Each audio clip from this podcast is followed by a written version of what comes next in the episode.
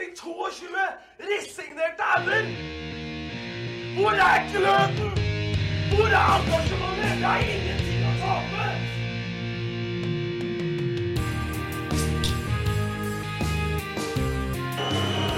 Ja, forlenges tid på Martin Ramsland. Skal du sette etter? Og så gjør han det! Martin Ramsland! Har du sett?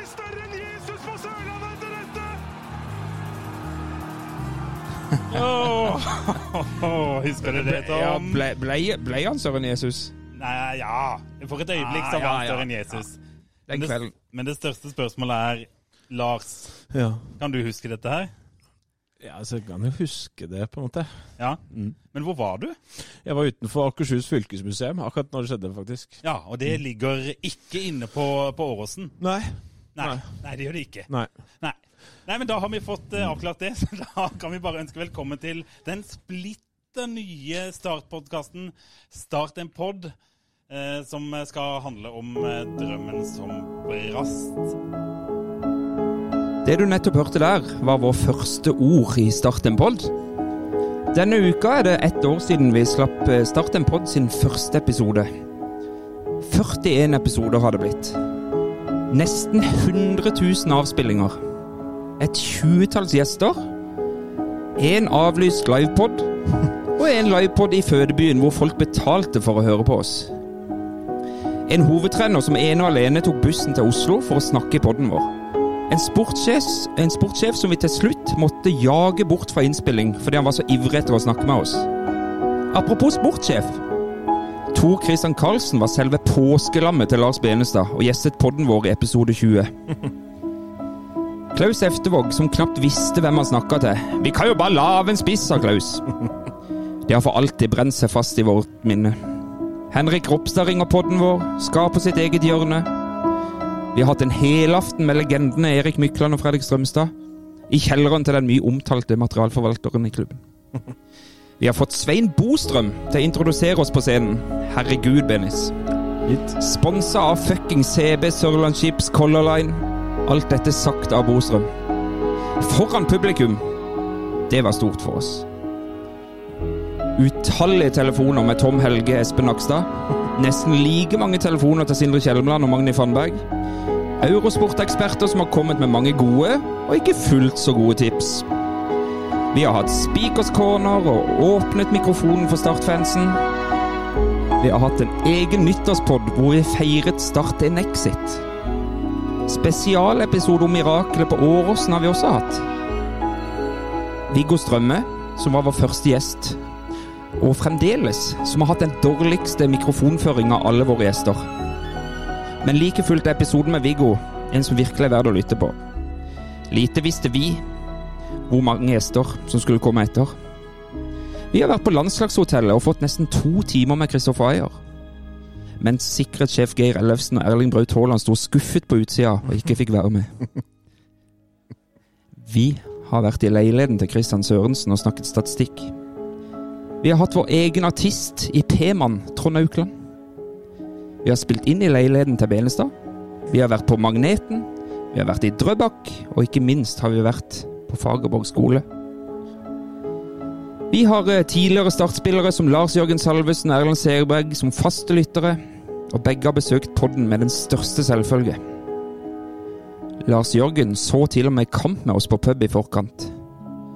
Men jeg er ikke ferdig, Benis. Det har vært poiken med bollen. Det har vært badeballer. Og du, vi hadde Steinar Pedersen i nesten tre timer. Jan Halvor Halvorsen hadde vi i to.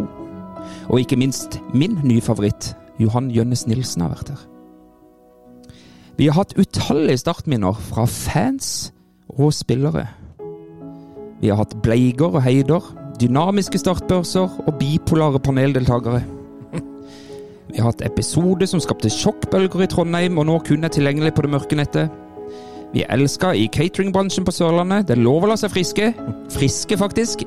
Friste. Glem ikke det, Lars Benestad. Vi har snakket med spillere som ikke lenger er i klubben, og ikke minst har vi snakket med spillere som ble i klubben, og det takket være noen badeballer iscenesatt av Start en pod. Vi er blitt invitert inn i det aller helligste, nemlig på innsida av Sør Arena, hvor vår venn Lars Martin Gimse har sunget hymnen. Vi har hatt bekmørke episoder, som den etter Stabæk-kampen. Vi har hatt tut-tut-episoder. Ja, i alle de resterende. Vi er blitt kalt logrende hunder. Idioter, talentløse, uproffe, stygge, fæle, men samtidig flinke. Alt i en vanvittig miks av tilbakemeldinger fra våre kjære lyttere. Og alt dette på ett, ett jævla år. Lite visste vi, altså. Og så er vi, vi hører det at vi er grunnen til at et titalls, om ikke flere, sovende Start-supportere har funnet gleden av å se Start live igjen. Nesten ukentlig får vi tilbakemelding fra folk om at 'Jeg har funnet gnisten igjen etter å ha hørt på dere. Nå går jeg på startkamp igjen'. Vi må aldri glemme den stemninga Start har i folkets bevissthet. Alle vet om Start. Alle har et forhold til Start. Det må bare vekkes til live av og til. Og sist, men ikke minst, min gode venn Lars Benestad. Med deg og Lars Martin hadde knapt kjennskap til hverandre før vi starta denne podden. Og herregud, for en reise det har vært. Takk, Lars. Takk, Lars Martin. Dere er for meg det Start er for norsk fotball. En kjæledegge. Jeg elsker dere. Og takk til alle bidrag vi har fått. Og takk for den latterlig store lytterskaren vi har. Takk, takk, takk, takk, takk, takk, takk. Er det greit? Ja, Vi, vi, vi har lov til å hylle oss sjøl litt på, Ja, en- på en jeg- dag som denne. Ja, jeg ble både stolt, og så ble jeg flau, og så ble jeg stolt, og så ble jeg flau, og så ble jeg stolt. jeg syns det var vakkert. Det ganske, jeg syns vi har vært gode, da. Ja, nå vet jeg, ikke om jeg, fikk, jeg vet ikke om jeg fikk med alt. Jeg gjorde selvfølgelig ikke det, men uh, noen høydepunkter har vi jo hatt. Ja da, Det, absolutt. det syns jeg vi har. Ja. Vi er kommet til episode 41, Lars eh, Benestad. Det er bare meg og deg her i dag. Uh. Det er meg bak spakene. Eh, Lars Martin er på jobb oppe i var det Tromsø. Ja, det er ikke bare meg og deg, da. Men Nei da, vi eh, har en gjest. Vi Ja. introduserer han straks. Vi får ta det, det formelle først, tenker jeg. Det er vanlige. Ja. Uh, nei, så Gimse pleier å spørre meg da. Ja, har du noe på 41? Ja, Har du noe på 41? Ja, jeg har noe på 41. Ja. Skal ha to midtstoppere med 41 kamper. Og de er fra eh, nymodernes tid. Det her er. Eh, han ene ryka opp Nei, han beholdt plassen i 2015 som midtstopper. Skårte i kvalikkamp. ja, eh, jeg, jeg melder bare Alex oh, John. skårte i Ja, Alex de John, ja. Jeg fulgte ikke med. Og så skal vi ha en uh, sørlending som var midtstopper på slutten av 90-tallet for Start. Uh, eh, siden. Inger André Olsen. Helt riktig. Ah, det har tatt to poeng selv om jeg ikke klarte den første. Det- De stopper på 41 kamper, begge de to der. Mm. Begge de to der. Hadde vi noe vips, da? Vi har selvfølgelig Vips fra Lektet og Ersnes. Han kjører fortsatt buss for tog. Um, og så har vi fått fra Espen Hantveit. Han er jo blitt- en av våre aller viktigste bidragsytere. Har han det, ja? Ja, Han kjører jo motorsykkel rundt Ja. for å finne vips bidrag til oss. Så det er jo helt utrolig. Kjell Vidar og Petter hilser fra MK, så det er jo gøy. Her har vi venner i Ja. MK. Så det er, de, er jo- det er bra. Mm. Også Per Kristian Enger har gitt en skjerv. Og så har eh, Stian Bø eh, gitt eh, eh, litt til Bø. Bø- Gjesten vår. Ja, fra Bøtebø. Ja, for da kan jeg introdusere eh, dagens gjest. Eh, han har vært her før, og det passer litt fint. For han var, ja. han var ikke den første gjesten vår, for det var Viggo Strømme. Men, Han er jo egentlig med i hver eneste ja, det er det episode. han er. Det er det han er. Han er jo med i introen. Ja. Så hjertelig velkommen til Start en pod nok en gang, eh, Petter Bøe Tråstrud. Takk skal du ha. Takk mm. skal du ha. Ja. Veldig Så- hyggelig å bli invitert, og veldig fin start på episoden. da. Altså, den, Takk. den ble jeg litt, eh, nesten litt rørt av Ja. eh, selv. Så Det den det. vil nesten si at lytterne må spole tilbake og høre en gang til. før de kommer, tilbake til hit. Ja, Enig, det den, er, den er sterk. Mm. Ja. Takk, takk, takk. Eh, men ja, det er jo, du har helt riktig, Lars Benstad. Eh, Mm. Petter er jo med i alle sendingene våre Ja. i introen vår. Mm. Det Ja. er jo så, eh, Har du fått tilbakemelding på det? Ja, det var vel mest i, mest i starten, tenker jeg. Ja. Eh, men eh, jeg hører jo på dere, jeg også. Eh, så, jeg syns det er litt rart når jeg starter en podkast, Ja. og, så, og så åpner den liksom med meg selv, og så er det, så er det noen sørlendinger som begynner å prate. Så det er en spesiell opplevelse. Ja. Men det er klart det er stas å være en del av Start en pod på den måten. Riktig. Og det er jo et legendarisk øyeblikk. Og for de, for de av dere som hører fast på oss, så har jo, går jo Petter også gjennom opplevelsen på Åråsen i episode sju, er det vel, der vi tar for oss mirakelet der.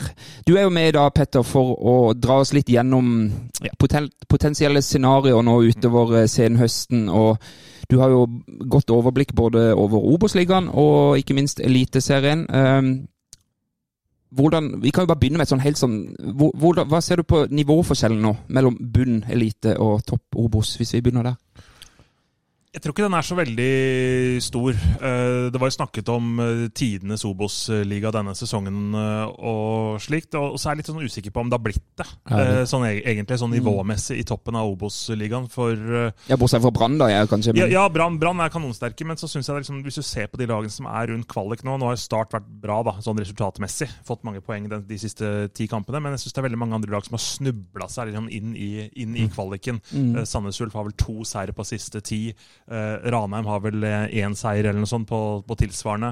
Eh, Kongsvinger snubler når de har den der, eh, nesten matchballen mot, uh, mot Skei der. Altså Ja, ja. et lag som ikke skal spille for noe. Så ikke den komme, den Nei, det er- 04-kampen Ja, det er en del av lag som ikke har prestert så godt. Eh, men eh, når vi ser også på eliteserietabellen, så Jerv har knapt vunnet en fotballkamp. Eh, KBK har liksom fått sjanse på sjanse, de også, i og med at Sandefjord eh, sliter. Så jeg tror jo at et eh, Obos-lag vil ha gode muligheter, eh, absolutt. Og så spørs det litt om hvilket lag eh, det blir. eh, Om det blir KBK eller Sandefjord. Jeg tror faktisk at KBK er verre å få eh, enn Sandefjord. ja, det er jo flere såkalte eksperter som mener akkurat det. Ja. Mm. Vi sier at, liksom at toppene til KBK er høyere enn de Sandefjord har. De, Sandefjord har liksom Off-Key, som er en veldig bra Mm. spiller, som har slukna litt mer nå, og et par andre. Men det er for mange hva skal jeg si, sure strenger på det instrumentet Ja, ja. til, til Sandefjord Jeg, jeg, akkurat nå. jeg tok meg sjøl i å, å faktisk eh, se hele den matchen mellom Ålesund og Sandefjord Mm. i går, og jeg ble ikke veldig skremt over det Sandefjord leverte. Det var kunstgress, vel å merke. Eh, Mm. De skal jo da gjøre det også, hvis de skal møte Start. Så Men jeg tenker at eh, for måte for litt eh, sånn det, Her er det mye spennende og, og mye å spå, og veldig mye visser og omatter og sånt noe. Så, men jeg tenkte vi kan Det vi har tenkt, er at vi skal først på en måte prøve oss å spå litt Obos. Mm. Og så spå Eliteserien, og så blir jo det på en måte Og så kvaliken etterpå. Så, så tar vi en liten Ja, sånn eh, En reise gjennom fint. november. Mm. Som vanligvis er eh, trist og sørgelig, men som i år kan bli det vakreste på lenge. Tut-tut. Ja, greit, greit, greit, greit, greit, greit, greit. Nei, men eh, Så enkelt spørsmål, da. Nå er det én runde igjen i Obos. Ja. Eh, mye har jo allerede uh, manifestert ja, ja, Ja. i den tabellen der. Mm. Men um, hvordan ender det slik du tror? Altså, Brann vinner. Stabæk blir nummer to. Stabæk uh, blir nummer to, ja. Og, uh, og så er det slik at Koffa har jo den tøffeste kampen, da. Ja. Uh, igjen. Det er veldig gunstig for Start, slik situasjonen har, eh, har blitt nå. Det sier jo alt om hvor viktig den der eh, Koffa startkampen på Sørlandet til slutt ble, da, med det som skjedde, på slutten i den, eh, i, den, i den kampen der. Eh, så jeg tror jo nå at, eh, at Start faktisk kan stikke av med denne, denne tredjeplassen. Eh, Ja, for, for Du tror ikke at Brann choker i en Nei, siste jeg, jeg, jeg tror ikke det. Nei. Eh, Ikke når du har Erik Horneland som trener, som på en måte Nei. er sånn gjennomproff. Det er Ja. havregrøt eh, 24-7 der. Um, og det er nesten så han uh, kunne funnet på å sagt at uh, taper vi siste hjemmekamp, så er sesongen mislykka. Liksom. Ja, han, han, sånn- han, er han Ja, er nei, så, der, ja. Mm. Så proff. Og Koffa eh, Ja, Robin Rask har ikke trent på de siste to ukene. Kanskje er han med til eh, helgens kamp, men eh, Ja, det er fordi han er litt god midtbanespiller? ja, til Koffa, det. ja, han er ikke bare litt god, han er Ja, divisjons ja. eh, beste. Så han eh, Så han er tvilsom til kampene i Bergen? Ja, han har vært tvilsom til de to siste kampene, og såpass tvilsom at han ikke har kommet innpå. De har sagt at han skulle spille kanskje 10-15 minutter hvis det sto om liv og død. Um, Så um, Og det gjør det kanskje ikke fordi det er eh, borte? Nei, det, det, det, ser, det ser vanskelig ut, Ja. altså. Og, så, så er spørsmålet da om Start eh, klarer å gjøre jobben sin. Ja, det, Eh, for jeg tenker det er der det må ligge, Lars. Er du ikke enig i det? At, eh, er det- gitt at Start tar eh, Ranheim? Sånn som du ser det? Ja.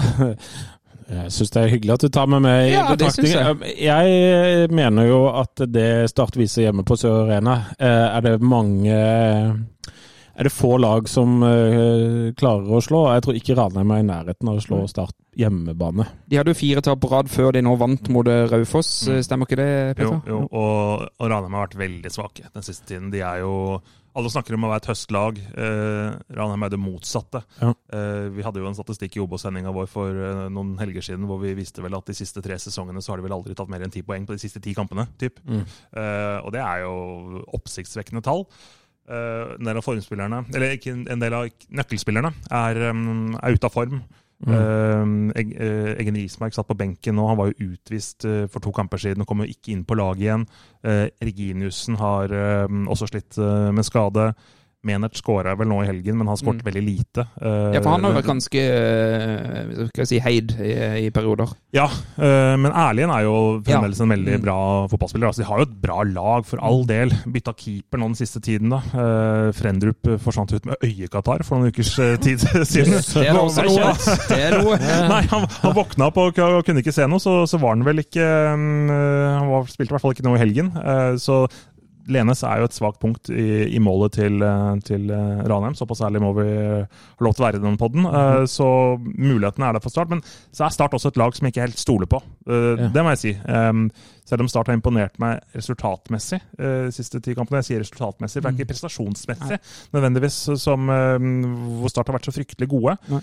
Men eh, alt ligger i hendene deres, og så spørs det da om de på en måte er klare for denne oppgaven. Så, ja, jeg skal, jeg bare, det tallet er jo men, men trend er jo viktig når du Ja. skal se på statistikker. Da. Altså, Ranheim vant sist bortekamp. Eh, de har vunnet to bortekamper i, Mm. eller de siste ti, eller hva det står for noe. Og Siste gang er 25. juli, Mm. borte mot Koffa. Så de har, de har eh, fem tap og én avgjorte på de siste kampene. Mm. Men Ranheim har noe å spille for, glem ikke det. De ligger Nei ikke inne i mange De kjemper om kvalik. Men igjen så er det ta, tilbake til trenden. da, altså Start har vunnet alle hjemmekampene siden juli. Ja. Så dette, eh, eh, trenden er på Start sin side. Ja da. ja da. Og, og det, sånt liker vi. Og så er siste serierunde også spesiell, da. Ja, der skjer jo alt, der, der kan du liksom. trekke ut den fra den vanlige statistikken, for der vil det skje spesielle ting. Det, Ja. det vil oppstå uh, scenarioer i helgens kamper hvor lag som ikke har noe å spille for, kommer til å slå lag som har veldig mye å spille for. Ja. Eh, Sånn som Bryne-Sandnes Ulf. eh, Det er en annen kamp som eh, gjelder når, du, Ja. når vi ser litt lenger ned. Ja. Bryne har egentlig ingenting å spille for, men de er jo kjempemotiverte. Ja,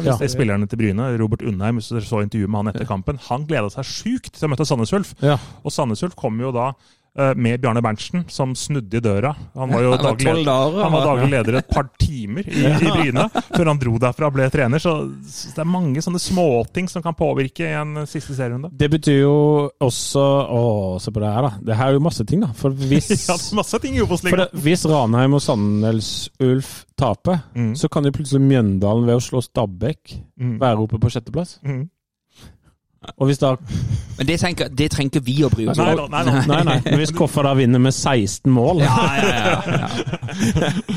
Nei, men så, så det eh, Men Mjøn det er nettopp Ja, så det er, det er jo det 5., 6., 7., 8. som er eh, vidåpent her, da. Mm. Og hvem er det som sover verst inn mot en sånn kamp? Er det de som føler at det, Oi, dette, dette kan vi ta? Eller er det de som ser at Oi, her har vi en mulighet? Mm. Så det er det jeg er spent på med disse start- startspillerne. Eh, Så nå må de voksne gutta i den garderoben jobber jobbe godt inn mot de Ja. siste dagene. Ja, og jeg hørte jo på, hørte jo på Obos-sendinga deres her på lørdag, og der var det jo eh, så, eh, veldig klink på at Start er favoritter til å bli nummer tre her nå. Eh, Og da baserer dere det jo selvfølgelig på, på det vi har pratet om, at Start slår Ranheim, Mm. eh, og Koffert naturligvis eh, taper i Bergen. Og så- så sa- bare replikk på det. Så sa jeg noe annet før sending, bare så det er sagt. Okay. Jeg trodde jo at Sogndal skulle slå Start. Ja. Å, ja, Um, ja, ja.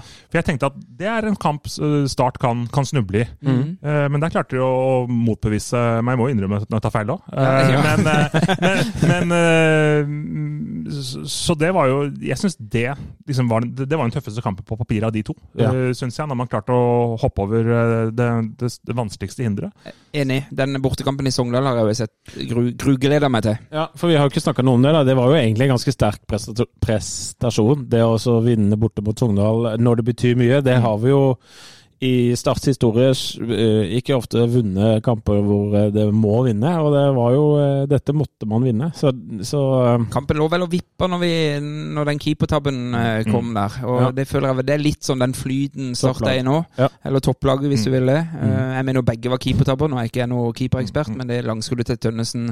Vi har fått et spørsmål fra en lytter også. Er det årets mål av Tønnesen?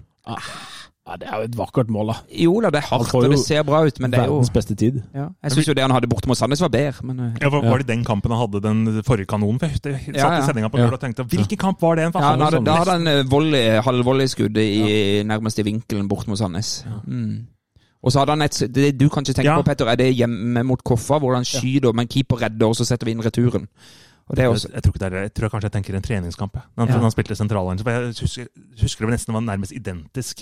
Skal litt innover banen, smeller til med ja, men Det kan godt være at det var en Ja, eller annen ja. mm. Men han har jo et vanvittig bra skudd, eh, så det skal ingen ta fra han. Men eh, Jeg syns også det er, ja, det er bare sånn eh, et fint poeng. Det er at det er Schulze som skårer målet der, og så er det Tønnesen som er det andre. Så det er lokale drenger som er med for å skyte klubben opp, da. Så det er også fint, da. Veldig fint. Og så er jeg livredd selvfølgelig når de reduserer der fem Ja. minutter før. Det er jo sett det så mange ganger. Ja, det var det jeg måtte også si det til meg selv, at det, det, nå er det bare å sette pengene på uavgjort eller tap, da. Men det er jo igjen Viser jo at det ser ut som de har litt mer tro på hva de driver med Ja. nå, da. Absolutt. Og så må jeg Jeg vil bare legge til, når vi først går gjennom denne kampen, at, Ja. at eh, eh, vi var sikra den her topp fire omtrent før den kampen mot Sogndal, sånn mer eller mindre. Eh, og at jeg hadde egentlig slått meg til ro med det. og gikk vel inn i den Sogndal-kampen med en ganske sånn ro i meg om hvordan dette kom til å gå. At dette, dette, dette var ikke noe must win i mitt hode. Okay. Så er det en ren bonus at vi gjør det, og selvfølgelig kjempegledelig. Ja. Det er det, og ikke minst de jubelscenene etterpå. Eller ved målene. Men skal vi da konkludere med at eh, Start blir nummer tre? Jeg tror eh, faktisk at eh, vi kan si det, altså. Ja. Så da, er, eh, da har vi de tre øverste i Obos-ligaen. Mm. Og da ender Start opp på 54, og da regner du med at Koffa taper mot uh, Brann. Mm. Og da blir Koffa nummer fire, for de er det bare Start som kan gå forbi. Ja. Og da har vi de siste. Femte, sjette. Kongsvinger, Sandnes Ulf, Ranheim, Mjøndalen. Mm. For det, vi må ikke glemme det, at det er jo et av de lagene vi kan møte Ja, ja. hvis vi blir nummer tre. ikke sant? Og det er ett av de lagene der jeg ikke har lyst til å møte, Ja. men det kan vi jo ta etter hvert. men um, Hvem har du re på resten der, da, Petter? På? Jeg tror Kongsvinger kommer til å holde femteplassen sin. Ja. Det blir et kjedelig tabelltips, eh, dette her sånn sett. Ja. Kongsvinger fikk godkjent banen sin i dag, skal spille siste hjemmekamp mot eh, Fredrikstad. Skal spille da Ja. ute på nytt kunstgress. Ja, For de har spilt inne i den hallen sin nå i det Ja, siste. siste fire-fem kampene, faktisk. Ja. Eh, Det har kanskje både vært en fordel og ulempe mm. for dem. Fordel selvfølgelig at de ikke har eh, måttet flytte til Jessheim og spille de kampene der, men eh, det er ikke noe fordel for fotball til Kongsvinger å spille på en tørr kunstgressbane inne. Men de, de slår Fredrikstad som ja, som de skulle slått Skeid sist. Men jeg tror de kommer til tilbake på hesten. et lite interessant poeng om Kongsvinger er at hvis du ser de siste halvdel av sesongen, så er det Kongsvinger som er på direkte opprykk.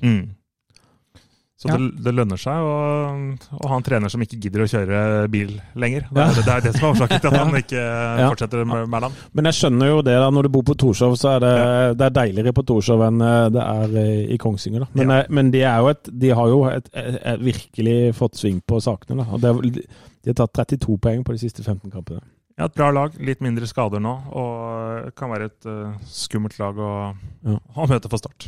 Så ser jeg det som veldig oven om, om den sjetteplassen. Ja, ja, Eh, ja, det er det absolutt. Uh, Sandnes Ulf eh, ligger jo på den sjetteplassen. De eh, skal spille borte mot, uh, mot Bryne. Uh, Ja. Men så kan jo de få hjelp, Sandnes Ulf, da, hvis Start slår eh, Ranheim. ja, naturligvis. Mm. Så eh, kommer jo Mjøndalen eh, bakfra der, men de har jo um, Stabæk. eh, Stabæk, og i tillegg en dårligere målforskjell. Ja, det har de òg, ser jeg. Ja. Mm. Så jeg, jeg tror faktisk at Sandnes Ulf kan klare det, selv om Sandnes Ulf er jo også en klubb, da. Apropos eh, klubb som kan svikte når det gjelder, det er Sandnes Ulf Ja. eh, selve beskrivelsen eh, av. Så, så er dere var ute med sak i dag om økonomisk krise i Sandnes. Ja, Mm. og eh, det er en klubb som, som satser mye. De sier selv at de ikke har så høye lønninger og sånn, men de signerer stadig bra Mm. spillere fra andre klubber i Obos. Ikke fra andre klubber fra start. Jeg Ah, signerer ja. bare fra start. Ja, og eh, har stor og flott stadion og i hele tatt, men eh, de har ikke klart kvalik siden hva var det vi kom fram til? 2018 eller 2017 eller et eller annet sånt noe. Men eh, ja, Ja, de har åtte år i Obos-ligaen nå. Ja. Mm. Men de klarer nok den Jeg, jeg tro, selv om Bryne har vært bra, altså. jeg tror ikke de vinner mot Bryne, fordi at eh, Altså, alt det du sa nå, tilsier jo at de skal tape den ja, siste de, De gjør egentlig, så jeg, jeg er egentlig ikke helt enig med meg, men de, de, de trenger jo bare poeng, da. Ja, men de Ja, trenger, jo egentlig, de trenger jo egentlig ingenting, Nei, så lenge nei. vi slår Ranheim og, og Stabæk slår Mjøndalen. Ja. Nei, ja, ja nettopp. Mm. Men hvis Mjøndalen slår Stabæk, og Stabæk er jo Altså, Stabæk kan jo fort tape den siste kamp. Ja, de har fire tap i år, da, Stabæk. Jeg vet ikke om det Er de like profesjonelle som øh, han i Brann? Ja, Bohin er jo opptatt av øh, Han har jo vært ute og hakka bl.a. på at øh, denne brannsesongen er jo ikke like fantastisk som det han gjorde med Ålesund i 20, 2019. og var tidlig ute på Twitter og sa Ja. ja. Obos var bedre i 2019 og sånn. Litt merkelig tweet, syns jeg. Ja. å, komme med. Så jeg tror han er veldig opptatt av å ha en god statistikk ut denne sesongen. øh, Mm. For å vise hvordan han har påvirket Stabæk på den siste perioden her denne sesongen. Så Mm. jeg tror Stabæk slår Mjøndalen. Ja, for Jeg hørte intervjuet med han var det etter det kampen i Sandnes, så dro han jo opp denne 5-0-kampen mot eh, Start, selvfølgelig. Som Ja. Ja. Veldig god start, da, for eh, mitt eh, Ja. Mm. Ja, ok. Men da, da er det da, da, da ender vi altså opp med Start på tredje, Koffa på fjerde. Og så, er det, så beholder Kongsvinger femteplassen. Og så går vi for Sandnes Ulf på sjette. Ja, dette var god reklame for Obos-runden på helgen. Alt, alt, alt, Ingen blir, endringer. alt blir som det er. Det var kjempespennende, det. Men da kan vi jo gå fram til den ikke avklarte situasjonen i Eliteserien, for den virker jo også ganske, ganske klar. Er han ikke det? Det, er jo, Sandefjord kommer jo ikke opp eller ned, de. Med tre kamper igjen. Gjør det det? Jeg er usikker, altså. Jeg var i nei, Bodø i går og så, eller kommenterte Kristiansunds um, stortap mot, mot Glimt. Det så ikke bra ut, det. Men neste runde så har jo de eh, kamp mot uh, Ålesund, er det vel. Den kan de vinne. Uh, og Sandefjord Jeg skjønner ikke at de skal vinne så veldig mange flere fotballkamper uh, denne sesongen. tolv uten seier nå, er det Ja, sånn? Så, men altså, at de plutselig Kristiansund skal vinne Hvor mange seire er det de har nå? Fire denne sesongen, Mm. eh, er det vel? At de skal da vinne sine siste tre, er jo sånn sett også urealistisk å, å melde, da. Mm. Når du skal hente igjen fem poeng. Nå har jo Kristiansund Jerv hjemme da, i siste kamp. Eh, Det Mm. må jo være Benkers tre poeng. Men nå har ikke jeg klart å trykke meg fram til de siste kampene til Sandefjord. Hvem er det Sandefjord har igjen? Hvilke tre kamper er det? De har HamKam, Molde og Haugesund. Hjemme, borte, hjemme. Så de kan maksimalt ta seks poeng, da, i og med at Molde er i miksen her. Mm. Ja. Men de har to hjemmekamper, da. Ja. Og, og Kristiansund hadde øh, Kristiansund de har igjen eh, nå til helgen, så har de eh, Ålesund. Ålesund, ja. Og så er de Ja. borte mot Sarpsborg og hjemme mot Jerv. Nettopp. Det er fort seks poeng, vet du. ja, Nettopp. det er 24, det. Mm. Mm. Og Sandefjord, men jeg, Sandefjord tror jeg tar en jeg, jeg kan ikke se for meg i siste kamp mot Haugesund der. Haugesund som ikke har noe å spille for. Ja, det kan du si, så kan, men så kan jeg heller ikke se for meg at de slår HamKam. Og HamKam er vanskelig å slå. Ja. Ja, Det Men det kan jo fort bli uavgjort. HamKam spiller jo bare uavgjort. da. Ja. HamKam har jo spilt uavgjort siden i, i hele år, nesten. Mm. Men er du, er du like sikker på at Sandefjord ender opp på kvaliken som at Start blir nummer tre i Obos? Nei, jeg er ikke det, altså. Det Men 85 sannsynlig så er det at Sandefjord blir kvalik-laget. Men, gidder du eh, Kristian Søresen gå- ettergå de men men eh, for det, det som er ulempen for Sandefjord sin del, da, er jo at Kristiansund og Jerv skal spille mot hverandre. Så Mm. er av de potensielt får eh, tre poeng. Da. Men Mm. så hvis de da ender opp med å spille uavgjort, så har jo Sandefjord nesten klart det. Men Så- Jerv kan vi ikke ta med i regnestykket. Selv om de har like mange poeng som Kristiansund, så har null tro på dem. Ja, ja. Det har jeg også aldri hatt tro på Jerv, men, men, men, eh, men jeg er jo enig. Stemmer det at Jerv skal opp til Bodø, blant annet? Jo, de har, eller, nest siste serierunde så har jo de Rosenborg, og så skal de borte mot Tromsø nå først. Jeg ja, ja, så de har jo null poeng. eh, De får jo null poeng der òg. Mm. Så da er det Kristiansund eller Sandefjord. Og der er jeg tydelig på hvilket lag jeg har lyst til å møte i kvalik. Mm. Absolutt. Og det, Det var jo Petter også innledningsvis Ja. her. Han var det. og det er ikke Kristiansund, i hvert fall. Men, men la oss si nå at Sandefjord heller ikke vinner noen av de neste tre kampene. Da har de altså 15 kamper uten seier. Og så møter de et startlag som har, la oss si, de har vunnet åtte av de siste ni kampene. Mm. Det, det må jo utjevne hele den divisjonsforskjellen. Mm. Så har de alt å tape, vi alt å vinne. Der Det er deilig å være så At vi allerede er i 20. november nå, i den derre For vi skal møte et Obos-lag før det. Men, eh, ja. Men, er, men er dere sikre på at uh, Er dere sikre på at eliteseriehindre er det vanskeligste? Nei. Jeg Nei. mener at Koffa er det vanskeligste. Ja, ja Hindre nettopp. for, uh, for Start. Men da tenker jeg at vi, vi, vi klarer ikke Det er for tidlig å avgjøre Eliteserien, men, men vi tror det blir Sandefjord. 85% Det er ingen breaking news i den poden her. For det er dette alle tror og mener at Ja, kommer til å skje. Ja, her er det ikke noe nytt, men vi Nei. tror det blir Sandefjord. Mm. Og den der rekka til Kristiansund med de der seierne, det begynner å bli en stund siden, det. Ja. Sånn at uh, var det eh, vel fem strake tap, og så hadde de tre strake seire før det. Ja. Sånn at nå er det tap, uavgjort, uavgjort, tap, tap. Så det er, det er grunn til å tro at det blir Sandefjord. Jeg, jeg velger å si 90 jeg, faktisk. Ja. Og da har vi Sandefjord der. Men da tror jeg vi skal gå inn i Da skal vi gå inn i kvalikbobla, da. Mm. Og da har vi blitt enige om at første runde, det er da eh, Sandnes Ulf mot Kongsvinger. Mm. I Kongsvinger. Mm. Da, Ja, vin, ikke da vinner Kongsvinger. Ja, gjør det ikke det? På det nye, gress, eh, nye kunstgresset sitt? Ja, gjør de ikke det? Ja, det tror jeg òg. De er jo som sagt eh, formlag nummer to, så det bør jo være Selv om de gikk på som sagt, en lei smell mot Shade, eh, vært Ja. veldig gode hjemme. Mm. Men da skal jeg si en litt gøy ting, da, siden jeg tross alt er Torshov-mann. Altså, hvis vi ser de siste 15 kampene, så er Skeid på sjetteplass. Mm. Så det å tape mot Skeid eh, har jo både Start og Kongsvinger gjort, sånn at det er, de har virkelig funnet formen, da. Ja. Så det kan eh, Arendal bare glemme, tror jeg. Riktig. Nei, men eh, ok, Kongsvinger da eh, Ja. slår Sandnes, og da vil jo Kongsvinger få bortekamp mot Koffa. Ja. Mm. Og skal vi, da, for da er vi på dato Da kan vi ta dato nå, da, mens vi har det. For at, Men den datoen, det- Vi skal jo ikke på den kampen, vi. Nei, men hvis vi blir nummer fire, så skal vi ha den datoen nå. Og den datoen er tirsdag 8. november. Møter vi da potensielt Kongsvinger hjemme, Mm. Ja. hvis vi ender som nummer fire? Er Ja. vi enige om det? Ja. Mm. riktig. Men vi tror det er Kongsvinger Koffa. Mm. Og da Kjære ekspert. Nei, Da vil jeg tro at, Kongs, eh, at Koffa er eh, Eller ikke tro, jeg vil mene at Koffa er favoritt. Ja. Eh, Selv om det er to lag som har en del likheter. da. Altså Det er veldig spillende lag i utgangspunktet. Men Koffa syns jeg har en uh, angrepsrekke der framme som er uh, veldig veldig spennende og artig å se på. Selv om det er på en måte ingen av dem som er spisser, egentlig. Uh, så Panosa Dahl, Núñez, Enjoy, da, som, Ja. eh, som jeg tror kan bli avgjørende i en sånn type kamp. Og så, og så kan du også argumentere for at uh, i Kongsvinger så har man litt mer av den rutinen da, du trenger i kamper som det der. Du har Christian Jahr, som har vært Obos-spiller eh, hele sitt liv. Lars Christian Krogh Gerson, som eh, er liksom tilbake litt på bedre nivå nå, selv om han spilte back nå mot Skeid i helgen og så ikke bra ut. Det, det er en annen historie. Hadde Given. Og Gyven satt jo på benken Ja. og var sint. Ja. Ja, for Eh, hvorfor er han på benken plutselig? Er det ikke han som drar hele laget der? Jo, det er jo i hvert fall den historien vi forteller, da. Eh, Fordi at Han er jo litt uh, Obos-kongen, men uh, nå har Ludvig Langrekken, en annen eh, spiss, kommet seg litt mer tilbake i slag etter at han har slitt mye med skader i starten av sesongen. Bringaker er jo et, uh, en bra spiller i Obos, eh, Obos-ligaen. Eh, Så da vil de teste det. Eh, Men jeg vil jo tro at eh, Gyven fort er tilbake inn, eh, inn mot disse viktige kampene her, da.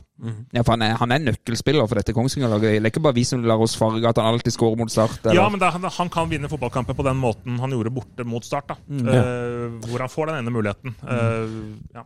Jeg tror Gyven også er en spiller som uh, syns det er gøyere å spille de kampene enn å spille borte mot uh, Åsane. på en måte. Altså det, at han er en spiller for de store anledningene, som noen så fint sier det. Ja, når, når du kommer opp i 50-årene som han er etter, etter hvert er, så, så har han spilt en del av de Ja. kampene der. Han har jo skåra mot Start i over 100 år, faktisk. Ja, det, det er noen sånne navn som går igjen hele tida. Ja, ja. Men det ja, det. men det, altså, det der kan selvfølgelig bli en tett og jevn kamp. Det kan bli ekstraomganger Ja. eh, også. Det er to gode, to gode lag. Uh, men ble jeg tvunget til å sette en million på dette laget nå, så ville jeg nok satt den på, på Koffa. Ja. Eh, jeg mener faktisk at Koffa er favorittene i, i eh, Der kom det! I, Oi, oi, eh, i, blant Obos-lagene. Men da må vi bringe oss videre. For det, nå hadde vi det altså tirsdag 8. november. Er det da Mm. Koffa mot Kongsvinger, sånn som vi tror? Um, Eventuelt Start Kongsvinger. Ja. Neste kamp, da, som da skal være Start Koffa, når er det? Det er søndag 13. november. Eh, 13, ja, riktig. Fem dager etterpå, med andre Ja. ord. Mm. Så det kan jo passe fint med 120 minutter, da, hvis det er det. Ja. Og hvis Start blir nummer tre, så skal de spille hjemme mot vinneren av denne kampen. Mm. Uh, Det er søndag 13. november på, Ja. på stadion. og da skal, jeg, da skal jeg på en måte være litt sånn eh, Da skal jeg si at jeg tror det er Kongsvinger. Jeg tror det er Start Kongsvinger den Mm. søndagen, og ikke Start Koffa. Ja, du tror det? At Kongsvinger rett og slett slår Koffa borte i den eh, Ja, jeg tror det, men, men jeg har ikke noen sånn, jeg har ikke noen fotballfaglig begrunnelse. Jeg har mer sånn der, eh, trend. Altså, Koffa har vært i kvalik mange ganger, og de, eh, de tapper det hver gang. Og jeg tror de gjør det nå. Og litt sånn nedadgående form? Ja, jeg, for to eller tre år siden, det er vel tre år siden, tror jeg, så kommenterte jeg Koffa Kongsvinger i Mm. kvalik ja. eh, på Intility. Mm. Og Koffa vant vel da, så vidt jeg husker, ja. For de møtte jo Start Ja, eh, etter det. Mm. Så vi får litt den samme fortellingen uh, denne gangen. Ja. Og eh, Koffa har jo fått mer erfaring, da. Det er jo veldig mange av de samme spillerne som, uh, som er med. Hva sa du nå? Var det 2019, sa du? Var det det? Ja, Tenk på det. Altså, 20, så var det altså Start Koffa. Koffa, Kongsvinger. Ja, ja. Start Koffa. Mm. Og nettopp, ja. Ja, så. Merker du det? Jeg, jeg, fikk, jeg, jeg, altså, jeg fikk sånn frysninger på ryggen. nå. Selv om du aldri opplevde det, så går det an å få frysninger. Fuck you! Det er mulig jeg surrer med årstallet, men jeg Nei, men ja, det- det. men det- men det passer veldig fint. Ja, ja, det så dette er jo bare Ja. déjà vu, liksom. Ja, det er helt, eh, helt brillefint. Det der. Ja, ja, ja. Men ok, men da er vi enige. Eh, 13, søndag 13. november spiller Start hjemme mot eh, Koffa. Ja. Eller Kongsvinger, ifølge Benestad, da. Men eh, ja. Det får vi se. Jeg setter ikke noe vareutbro på det, men, men, Men hvis vi eh, utfordrer Petter på det, da. Start uh, Koffa i den avgjørende Obos-kvaliken. Ja, altså, jeg, jeg kan, jeg kan rette meg litt da, og si at jeg er favoritt er kanskje feil. Uh, fordi Start vil jo være favoritt når du spiller hjemme med den Ja. formen de har. Så der må jeg moderere meg. Men øh, kanskje hvis Kanskje jeg bitte litt mer troa på Koffa. Jeg, jeg vet ikke, altså, Nå har jo Start hatt en fantastisk form, da. Og det må jo stoppe uh, litt, det òg. Jeg føler liksom ikke at uh, at øh, ja, de har fått på plass liksom, formasjonen, og spillerne spiller litt mer der de skal spille, og alt sånt, men det betyr ikke at de skal vinne 30 fotballkamper på rad. Eh, likevel, det, det vil jo komme et, eh, et feilsteg også for en par av disse spillerne, og også trenerne, så det er bare litt en, litt en følelse. Nei, du, Start har jo veldig god uh, Altså, vi, vant, vi har vunnet begge kampene mot Koffa i år. Mm, men Eh, veldig to spesielle kamper. Jeg husker begge kampene veldig godt. Jeg syns du den bortekampen også var spesiell? Jeg syns uh, den var helt grei, jeg. Ja, vi vant 1-0. Nei, men Var ikke det noe utvisning der? Jo da, litt, jo da eh, sånn spe de pleier jo å få en utvisning Ja, når de spiller mot ja, oss. De ja. gjør det. Men eh, jo da, men det, ok, spesielt på den måten. Vi vant eh, 2-0 borte i fjor. Eh, vi tapte vel faktisk hjemme i fjor, om ikke jeg tar feil. Eh, Og de, og de i Koffa har i hvert fall uttalt da, at de trives på Sør Arena. og Gleder seg til å spille på store flater. Mm, Isnes har vært sagt, vel, sagt det veldig tydelig at de trives med å møte Start, liksom. og sikkert veldig revansjelystne etter det bitre 3-2-tabbet de Ja. hadde nå nettopp. Ja. Ja. Jeg skulle gjerne visst hvor mange ganger Koffa faktisk har klart å slå Start. Jeg tror ikke det er mange gangene. Nei, jeg tror heller Jeg tror det tilfellet i fjor var ganske unikt, ja. Nå er det jo ikke sånn at Start har møtt Koffa i alle år heller, så den historikken går ikke så veldig langt tilbake. Nei, men det, altså, vi har jo stort sett vært et Obos-lag siste tid, da. Ja, da, vi, vi vært slo det i 19. Slo vi det vel i hvert fall borte, kan jeg minnes. Eh, Ja. På andre sida av Ekebergveien der. Eh, Jeg lurer på om vi tapte masse hjemme der. ja, ja, det Ja. får være det samme. Men eh, Start slår Koffa er jo vårt tips, er det ikke det, Benestad? Ja, vi, eh, vi må jo nesten Hvis ikke så kan vi bare eh, slå av. Men, men eh, jeg tror at altså Hvis jeg skal ta den, da er Igjen, jeg har ikke noen veldig god begrunnelse, men, men hvis det blir Start Koffa, så tror jeg Start vinner. Og så er jeg ikke så sikker hvis det blir Start Kongsvinger. Nei. Da tar jeg Du, det er veldig på Kongsvinger nå. Ja, men det, har, det er noe med hvordan de uh, Ja, men, altså, du har jeg vært på Hjemslund. Som eneste i panelet her var du på Hjemslund og så Ja. Start spille 2-2 der. Var det et eller annet med det Kongsvinger-laget som bare fikk det til? Wow! Nei, men det var noe med hvordan altså Start tapte jo også hjemme der. Altså Det var noe med hvordan jeg opplevde at Start var mot det laget der. Altså, det virka som de ville be- eh, Det var Men alt, alt dette var før 0-5-tap mot Stabæk, og det er sånn før-etter med Start. føler Ja, det var det. Og, og ting kan selvfølgelig være annerledes, men, men den der Gjemselund-turen jeg hadde, det var ordentlig Det gift. i, det sitter i seg. det. Det var, det var altså det mest dritet jeg har vært Ja, ja. med på, og følte det som bortkasta tid, liksom. Så, Så du vil ha Det er Sandefjord-Kongsvinger i kvaliken, da, for det? ja, Den skal jeg ikke se.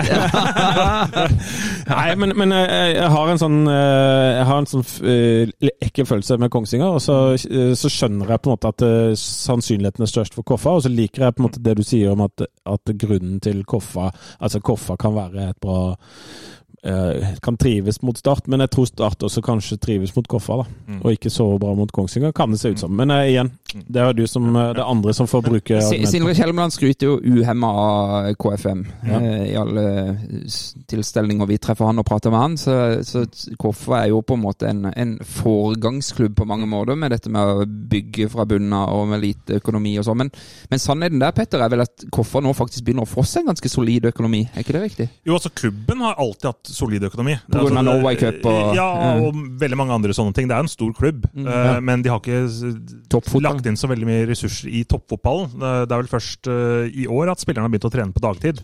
Eh, de trente på kvelden før.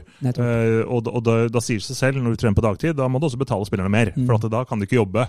Eh, Så, så det finnes selvfølgelig eh, mye mer ressurser i Koffa enn eh, det kanskje virker som, når du hører at Mm. Eller når du besøker ja, stadion. når, ja, altså når du hører at klubben heter Kristelig forening unge menn. Ja. Men det er jo ikke de kristne verdiene som står i fokus der. Det handler jo om en, en trener som ønsker å få opp et lag i Eliteserien. Ja. Og jeg tippa dem også på tredje- eller fjerdeplass denne sesongen, jeg husker ikke hva det var. Men altså sånn, så jeg, forventet at de skulle være der oppe. Ja.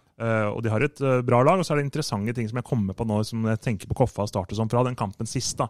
Eh, Fordelene for Start. Nå som du ser, så det tempo til Start på venstresiden, selv- selvfølgelig med Endong og du har Savo. og uh, Koffa hadde jo tempoproblemer i forsvaret sitt i den kampen. her. Det ble veldig lett eh, løpt fra. Da var jo Kier Olsen eh, ute med skade. Skadet seg jo på oppvarminga i Ja. den kampen. Det er den raskeste forsvarsspilleren til, til Koffa. Og det er klart at sånne ting vil jo også spille veldig inn, da. hvem, man, hvem man har der. Så der er Koffa litt mer sårbare i enkelte posisjoner enn enn Start. Selv om vi kan snakke mye om høyresida til Start, så har de i hvert fall en eh, OK dekning i en del eh, posisjoner, da, eh, sammenlignet med hvor, da- hvor avhengig Koffa er av et par nøkkelpersoner, spesielt kanskje bak i banen. Ja, og er ikke dette, dette er jo et kjempeviktig poeng når vi går inn i kvalikkamper med, med dette med bredde i tropp og sånn, og der er vel Start nærmest eh, best, vil jeg jo nesten tippe, av de kvaliklagene vi har vært innom her nå. Sånn i, i bredde. Sånn som det har blitt eh, etter hvert. da, Jeg syns fremdeles den høyresida til Start er tynn, da. Ja. eh, Etter uh, Reinhardsen-gate Mm. og um, Sjøkvist er skada. Ja, og alt det der. Mm. Eh, så, så det er det er liksom det største Ja, eh, minuset til Start eh, inn mot en kvalikperiode, Mm. som heldigvis for deres del ikke blir sånn veldig lang. Mm. Eh, selv, om, eh, eh, selv om du selvfølgelig dere vil at det skal, avslutte seint, Mm. Ja. tidsmessig. Men eh, det blir ikke så mange kamper, da, eh, i og med at man ikke blir nummer seks. Eh, apropos høyresida til eh, Start. Hei, Mathias Grunnekjern fra IK Start. Jeg er så heldig å spise maten fra Frisring catering hver dag på Sparebanken Sør Arena. Det kan du òg gjøre. Trenger du catering til små eller store anledninger, gå inn på fristeren.no. Når det gjelder god mat, er det lov å la seg friste. Ja, det er lov å la seg friste, Lars Benestad. Du, Vi var inne på dette med litt svakheter på høyresida til Start. Eh, er det andre svake punkter i, i Start, Petter, som du kan se med det blotte øyet? Ehm, hva skal vi si eh, Det er jo egentlig flere som har eh, hevet seg, og som har eh, levert eh, ganske bra denne sesongen. Jeg var, var jo veldig spent. Vi snakket jo sammen før sesongen om Jasper Silva Torkelsen. Ja. Mm. Og da husker jeg jeg sa at vi, vi får se hvor stort talent han egentlig er. Da, for der, der hauset han jo opp som det, det største talentet ever, an, omtrent. Norges nummer én. Um, og han har jo levert veldig bra. Hadde hatt noen småglipper nå på slutten av sesongen, men det er helt greit. Det må Det må man regne med. Eh, egentlig mye mindre enn man egentlig skulle kunne forvente. Så jeg syns han begynner å bli litt format på han. Ja. Um, og det syns jeg også kan bli en styrke for Start. For han er en type keeper eh, som vi har lært å kjenne nå, som faktisk kan vinne fotballkamper. Absolutt. Men var det, var det potensielt et svakt ledd, tenkte du? Uh... Ja, altså på Koffa så er det et svakt ledd. Ja. Jeg mener at Keeperen til Koffa kan ikke vinne fotballkamper, Nei. Eh, men det kan keeperen til Start. Ja, for å liksom prøve å sette ja. Liksom, sånne ting opp Mm. mot hverandre. For, for Koffa har bytta litt på to-tre keepere denne sesongen, hatt litt skader og sånn. Men ingen av de uh, syns jeg er i nærheten av Jasper Silva Torkelsen. Um, Er det en ung keeper som Koffer kommer med, eller? Uh, nei, det er Jonas Brauti. Uh, Ja. Det var han som ble utvist, det, var det ikke det? Ja, riktig. Mm. Og mm, han bommer litt for mye i de 50-50-situasjonene der, da. Ja. Um, det kan selvfølgelig Jasper eh, gjøre også. Eh, nå har han hatt litt mindre avslutninger på seg eh, i en litt lengre periode nå, men han er på en måte en del av de keeper keeperne som plutselig kan stenge buret. Mm. Det er noen keepere som kan det. altså Øvretveit i Jerv, selv om han er en keeper som er helt middels og sitter på benken nå, så altså han, har han evnen til å stenge buret i enkelte kamper som han gjorde mot Brann I i, kvalikkampen. Eh, Så det er en sånn X-faktor ved han. og Bortsett fra det, så mm, Hva skal jeg si Styrker og svakheter Men sånn spisser spissene opp mot hverandre, da? Altså, ja, men, ja, ja, ok. Ja, Spiss Koffa, ja, riktig. Ja. Koffa spiss start med Holtan nå, som, som skårer. Ja, Koffa har jo egentlig ikke spiss. Nå har jo Nunes spilt der, da. De skulle jo ha Brustad, som ble skada og la opp. Spilte jo aldri. Klemetsen Jacobsen har også vært skada hele sesongen. Så de, så de spiller jo egentlig med en falsk nier i Nunes, som er, egentlig en veldig god fotballspiller. Ja. Eh, og har disse bevegelige kantene som egentlig gjør litt uh, hva de vil, nærmest. Og også, også spilt med noen andre midtbanespillere på topp i Sørås og Hestnes og diverse. Så med Holtan nå i form, så er det jo lett å peke på han som den beste spissen, selvfølgelig. Men jeg syns likevel at sta, eh, Koffa har veldig mye interessante, eller fine, interessante strenger å spille på. da, Uh, Som kan åpne et, um, åpne et uh, lavtliggende startlag i enkelte Mm. perioder. De kan også kontre uh, godt. Så vi sier at de kanskje er ganske jevne der. Mm. Midtbanen Dervis Gadic er jeg veldig svak for. Mm. det er ikke noe Litt av og på han nå, Men, da. men han har ikke vært så god, uh, syns jeg, da. eh, over en litt lengre periode. Eh, det er lenge siden jeg liksom satt og liksom smilte da jeg Mm. så han spille. Ja. Og selvfølgelig, det er en ung gutt eh, fremdeles. eh, så jeg, klarer ikke å si at Nei. midtbanen til eh, Start er bedre enn Koppa sin dersom Robin Rask spiller. Fikk du sett denne ligakampen mellom klubbene nå nylig? Ja, ja. Tror, ja. du, tror du vi kan forvente oss det samme styrkeforholdet, samme utvikling som i den kampen? ja jeg syns Koffa var gode i 60 Ja, minutter var i det den ikke det? De der. var veldig gode. Ja, de var det. Mm. Uh, men så klarte de ikke å få omsatt de mulighetene eh, som de fikk. Og så var jo dette her med tempo på venstresida Endong tror jeg blir viktig i en Mm. sånn type Viktig hver kamp, altså, men ja. ty- type kamp. Eh, og skal da f.eks. Um, Isnes velge å ta Kiel Olsen på høyre wingback. Det gjorde han eh, en kamp, Ja. eh, for to kamper siden. Han er egentlig midtstopper. Eh, så jeg tipper at Koffa kommer til å gjøre noe grep med Endong dersom eh, disse to lagene møtes, da, som vi, som vi regner med. Så Mm. Det, er, det er jevnt, altså. Og er det noe jeg er veldig trygg på, trygg på Lars Benestad, så er det at et, ja. trenerteamet i Start de gjør sine forberedelser eh, grundig. Den, Men, Men hvem mener dere er den viktigste spilleren for Start da, i disse kampene her? Hvem er det som må stå fram? Uh, nei, altså mm, eh, min, min absolutte favoritt er jo Luke Marius, da, som, Mm. som må fortsette å være solid. Eh, Mm. så tenker jeg at Vito. Vor, Vito Wormgård må jo nå virkelig også brette opp ermene. da. Ja. Ja, og Tønnesen på en måte, Tønnesen er jo også viktig. Altså, nå snakker vi forsvaret, egentlig. vi. Ja, ja, så det er, det er Forsvaret det Ja, for dette, det, det ruller så greit foran, egentlig. Vi skårer jo nest, minst tre mål nesten i hver kamp. Men da må jo også holdt han inn der som, en, Mm. som det vi ikke hadde i sommer. på en måte, Så at Holtan også eh, må være på. da. Så, så, men jeg vil også trekke frem Forsvaret som, det, som Ja. det som gjør at jeg tror at vi kan vinne disse kampene. Og jeg tror, når du snakker om at nå hadde Jasper begynt å gjøre en og annen feil og sånn, det blir litt sånn kamuflert av at Start skårer så mye mål. Mm. Ikke sant? Eh, At man, De får ikke den samme oppmerksomheten. Og, sånn. og det tenker jeg det er veldig fint for Jasper. Mm. At han liksom ikke blir skulle jeg til å si, hengt ut da, for nå tapte vi 1-0 fordi han gjorde en feil. Ja, men det, det, altså, det var det fineste fotballøyeblikket omtrent denne sesongen. Uh, I den, nettopp den Ja. kampen han gjorde den Mm. tabben, og eh, han, Mark- eh, Mark Jensen, Jensen, ja. kom løpende der. ja, det, det, det var skikkelig stort. Og det sier også litt om hvordan garderoben har forandra seg i, i start, tror jeg. da. Ja. Spesielt etter den stabbekampen hvor mye mer samla man er på alle Og, mulige det, og dette snakka Jasper om i den konkurrerende podden i dag, Ja. eh, hvor han var gjest. Akkurat dette med samholdet, og han hadde nesten ikke ord på hvor hvor, hvor eh, sammensveisa gjengen var. Nå har jo ikke han sånn all verdens å sammenligne med andre steder, men, men eh, da kom jo ekspertene Lås inn og så på en måte underbygde det, da. Mm. Mm. Og det er vel sånn som vi også får inntrykk av, at det er en eh, ekstremt sammensveisa gjeng som, Mm. som, eh, som er sammen nå. Men eh, skal vi si at Start vinner?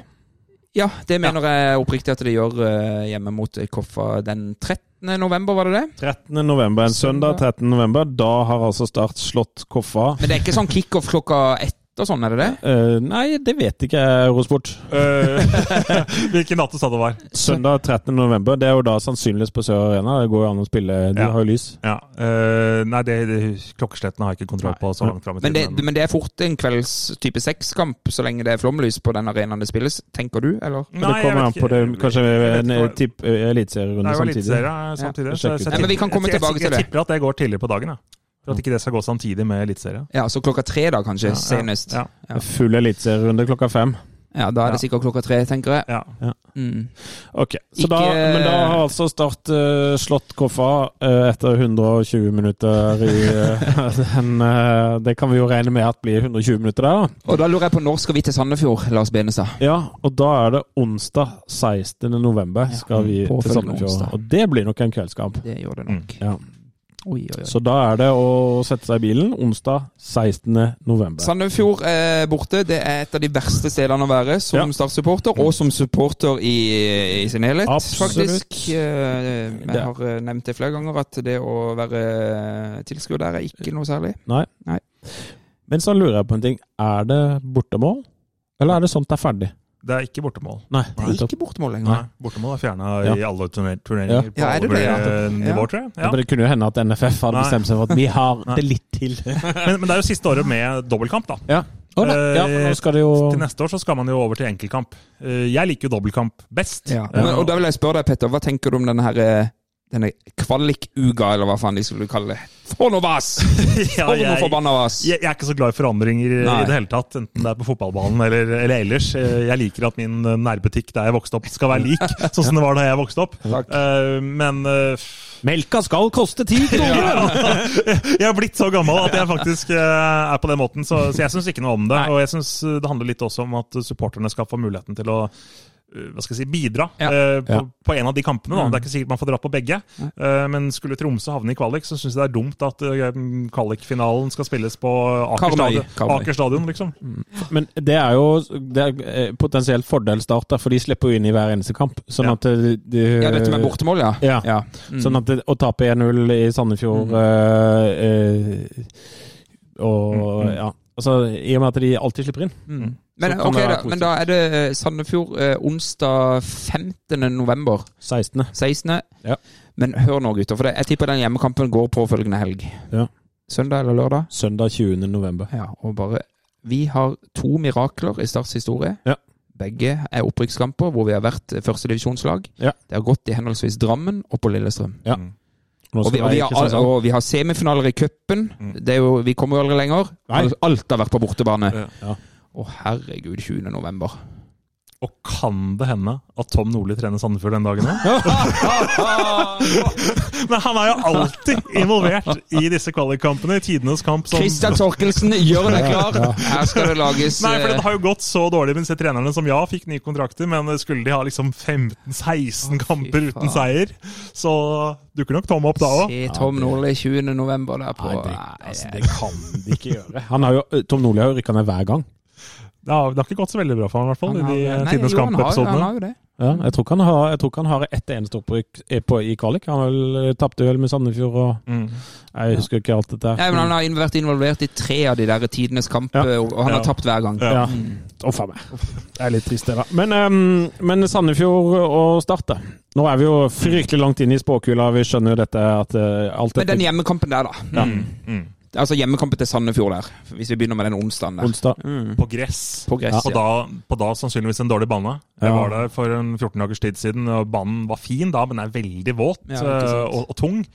Um, så det, det kan fort bli en kamp hvor uh, for Starts del de må tenke på å nesten ødelegge mest mulig, tror jeg. Ja. Eh, at, at man må være kynisk i de, i de kampene, kampene her og bare prøve å få med seg et helt anstendig resultat i tilfelle, Mm. hvor man kan heller spille fin fotball hjemme på Sør Arena.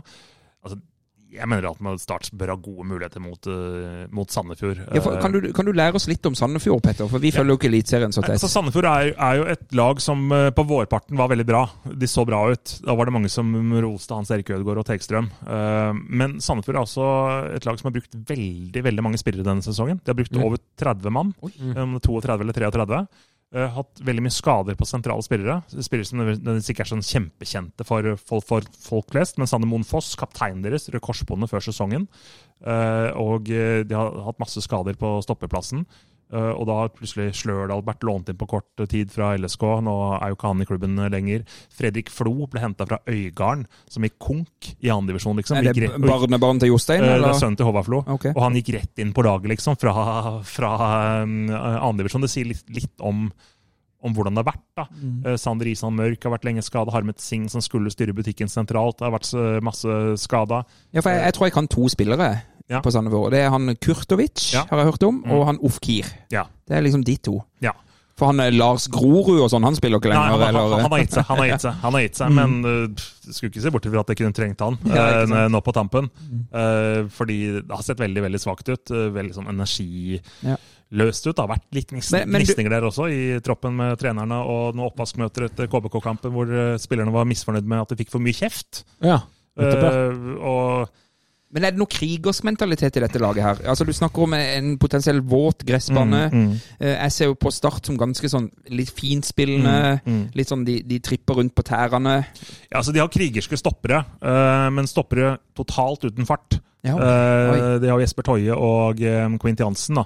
Eh, det er jo spillere som er ekstremt gode i lufta. Altså Toje er en av de beste i lufta i hele norsk Ah, fotball. liksom. Han skåra vel åtte mål på dødball i fjor for, for Koffa. Ja, stemmer. Det er han, ja. ja, I ja, Obos, ja. i Han Obos-ligaen. har alltid hatt sansen for i Koffa. så, så dødballer sånn sett er det jo farlig på Ja. offensivt, uten at de har skåret veldig mye på det. Det skal sies. Men den største trusselen deres er Ofkir på, på kanten.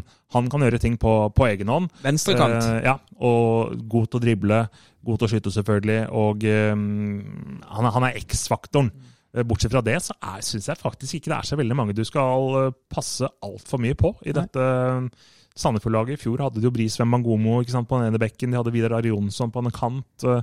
Nå er det litt for mange brikker som mangler i det laget, kontra hvordan Sandefjord hadde sett ut på sitt beste dersom de hadde hatt flere av de beste tilgjengelige. Men eh, jeg syns det ser litt rotet ut. Eh, og Så her, her kan Start egentlig legge opp sitt eget løp, tenker du, sånn sett utenifra. Her må du ikke ta noen sånn spesielle forhåndsregler på enkeltspillere, bortsett fra Noof Kier. ja, da, men, eh, ja, ja, ja, så Start de, de bør egentlig bare ta hensyn til gressmatta, tenker jeg, i den, i den kampen uh, der, og, og legge av spillet sitt litt mer etter det.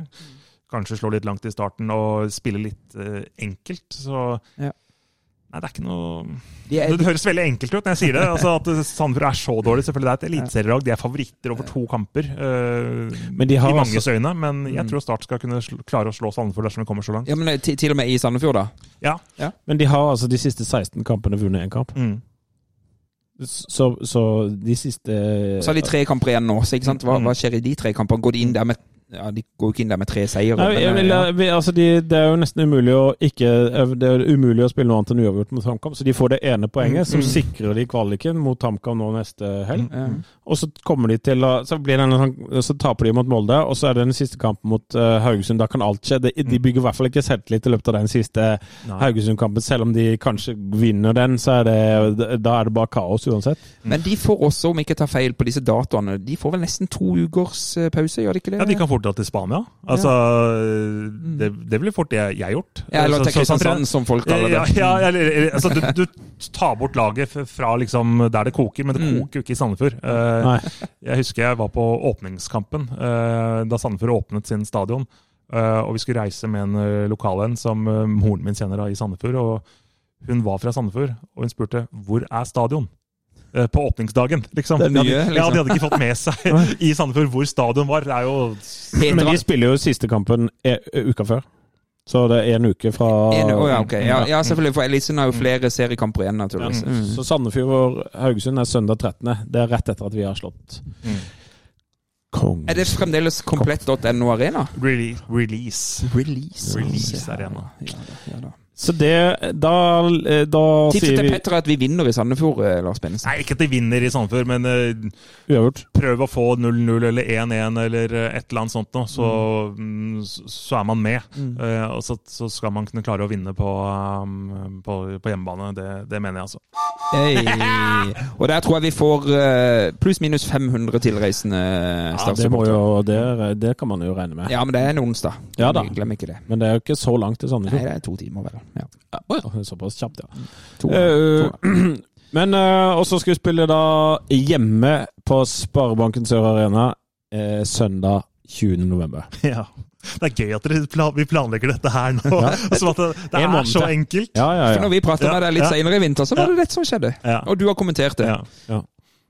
Ja, jeg vet ikke om jeg skal kommentere det, men uh, vi, vi, vi, vi får se. Men uh, hadde selvfølgelig vært, uh, vært gøy, men eh, Men vi tar med oss 1-1 fra Sandefjord og kommer til Sør Arena og Mm. har alt å vinne. og... Da kan jo alt skje. Og det kan jo på en måte altså den, den, eh, Da skjer jo alt. Men- Men hvis Sandefjord er laget i møte, så har Start gode sjanser mm.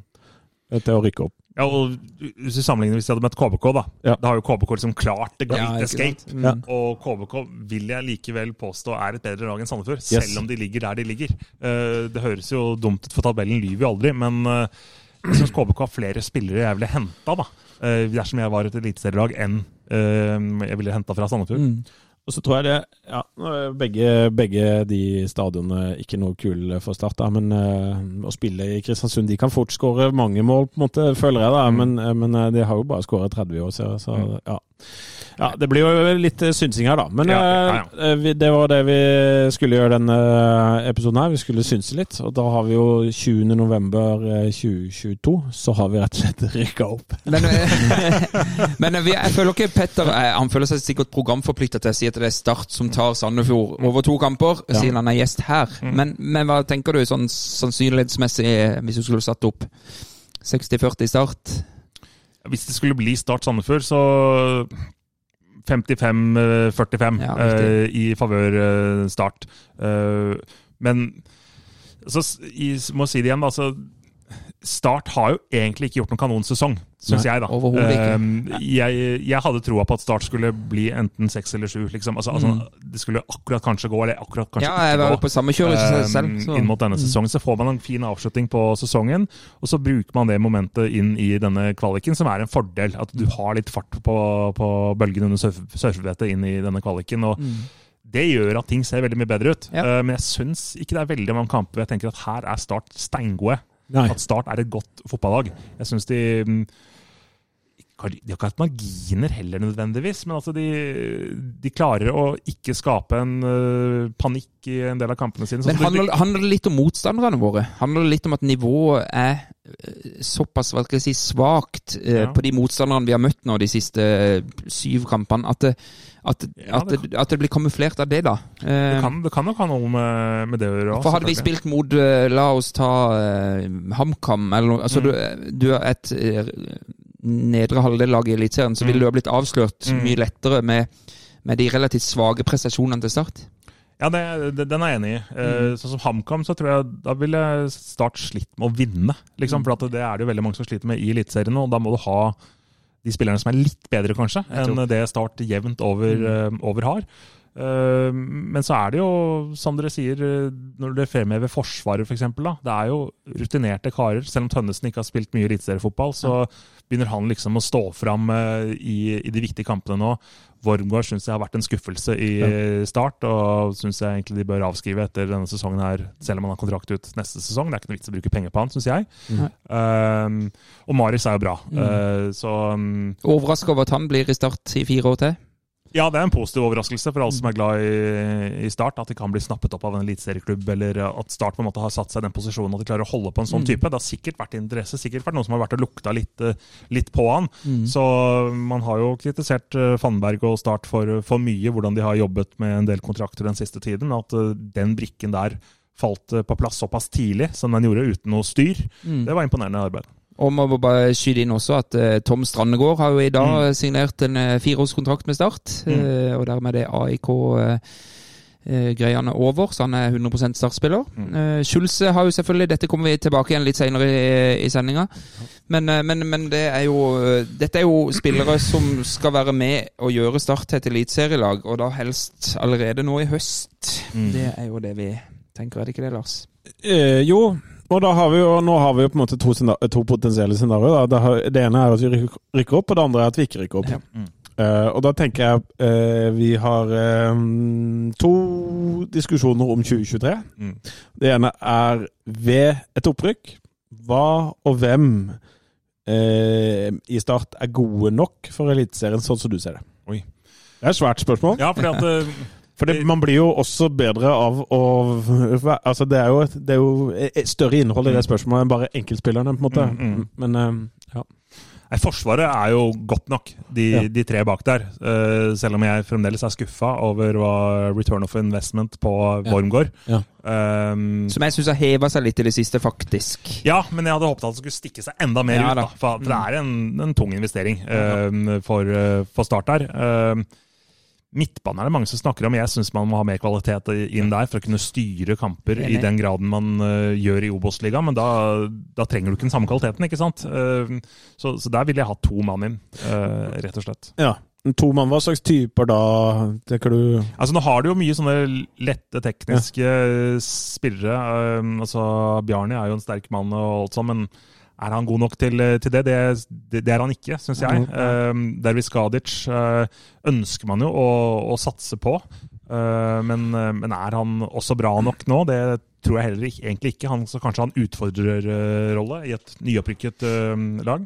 Men hvis det kommer inn to midtbanespillere, da blir Schulze sånn uh, innen siste 30, da? Ja, det tror jeg fort han kan bli. Ja, for det for hvem av de tre der tenker du at skal fortsette Altså at Emir skal være fast i Eliteserien? Det tror ikke jeg. Nei, men eh, hvis de skal eh, spille i den, eh, i den retningen de sier, Mm. så bør jo Emir spille i Ja. Eliteserien. Sånn da, Så jeg er uenig med Petter. Altså, jeg, eller er enig, men uenig. Jeg er jo enig i at vi trenger det, Ja. men jeg tror aldri vi vil se det. Nei. For vi kommer til å dyrke Mm. eh, også Strandegård Ja. og Emir. Og Kjulse er signert, og Kjulse er proven i Eliteserien, så Mm. han tenker jeg er benkers på det laget der. Mm. Bare, men hvis det kommer to uh, eh, eliteseriespillere inn på midtbanen, så, er jo, så tror jeg det er Schulze som går på benken, og ikke Emir. Ja.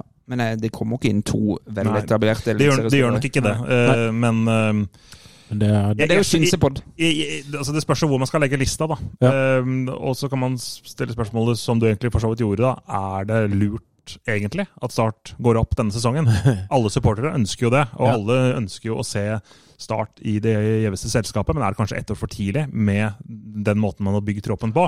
Når man signerer såpass mye ungt som man, som man gjør nå. Det er ikke mange over 30 i eh, troppen. eh, ehm, og uh, det er vel nest yngste i Obos, tror jeg. ja, og det er jo en fin sånn utviklingsgruppe, men Mm. uh, kommer det litt for tidlig, kanskje? Ja, men så, da er jo igjen, da. Hvis, eh, hvis Start eh, ikke rykker opp, så, så, så tror jeg ikke vi klarer å beholde Tønnesen. Nei, Og, eh, selv om vi har signert fireårskontrakt på Luke Mare, så tror jeg ikke han blir i evigheter nede i Obos, uh, selv om han har fått ny kontakt. Og, og, og sånn at uh, Ja. Det er, jo, det er jo ulemper med å ikke rykke opp også.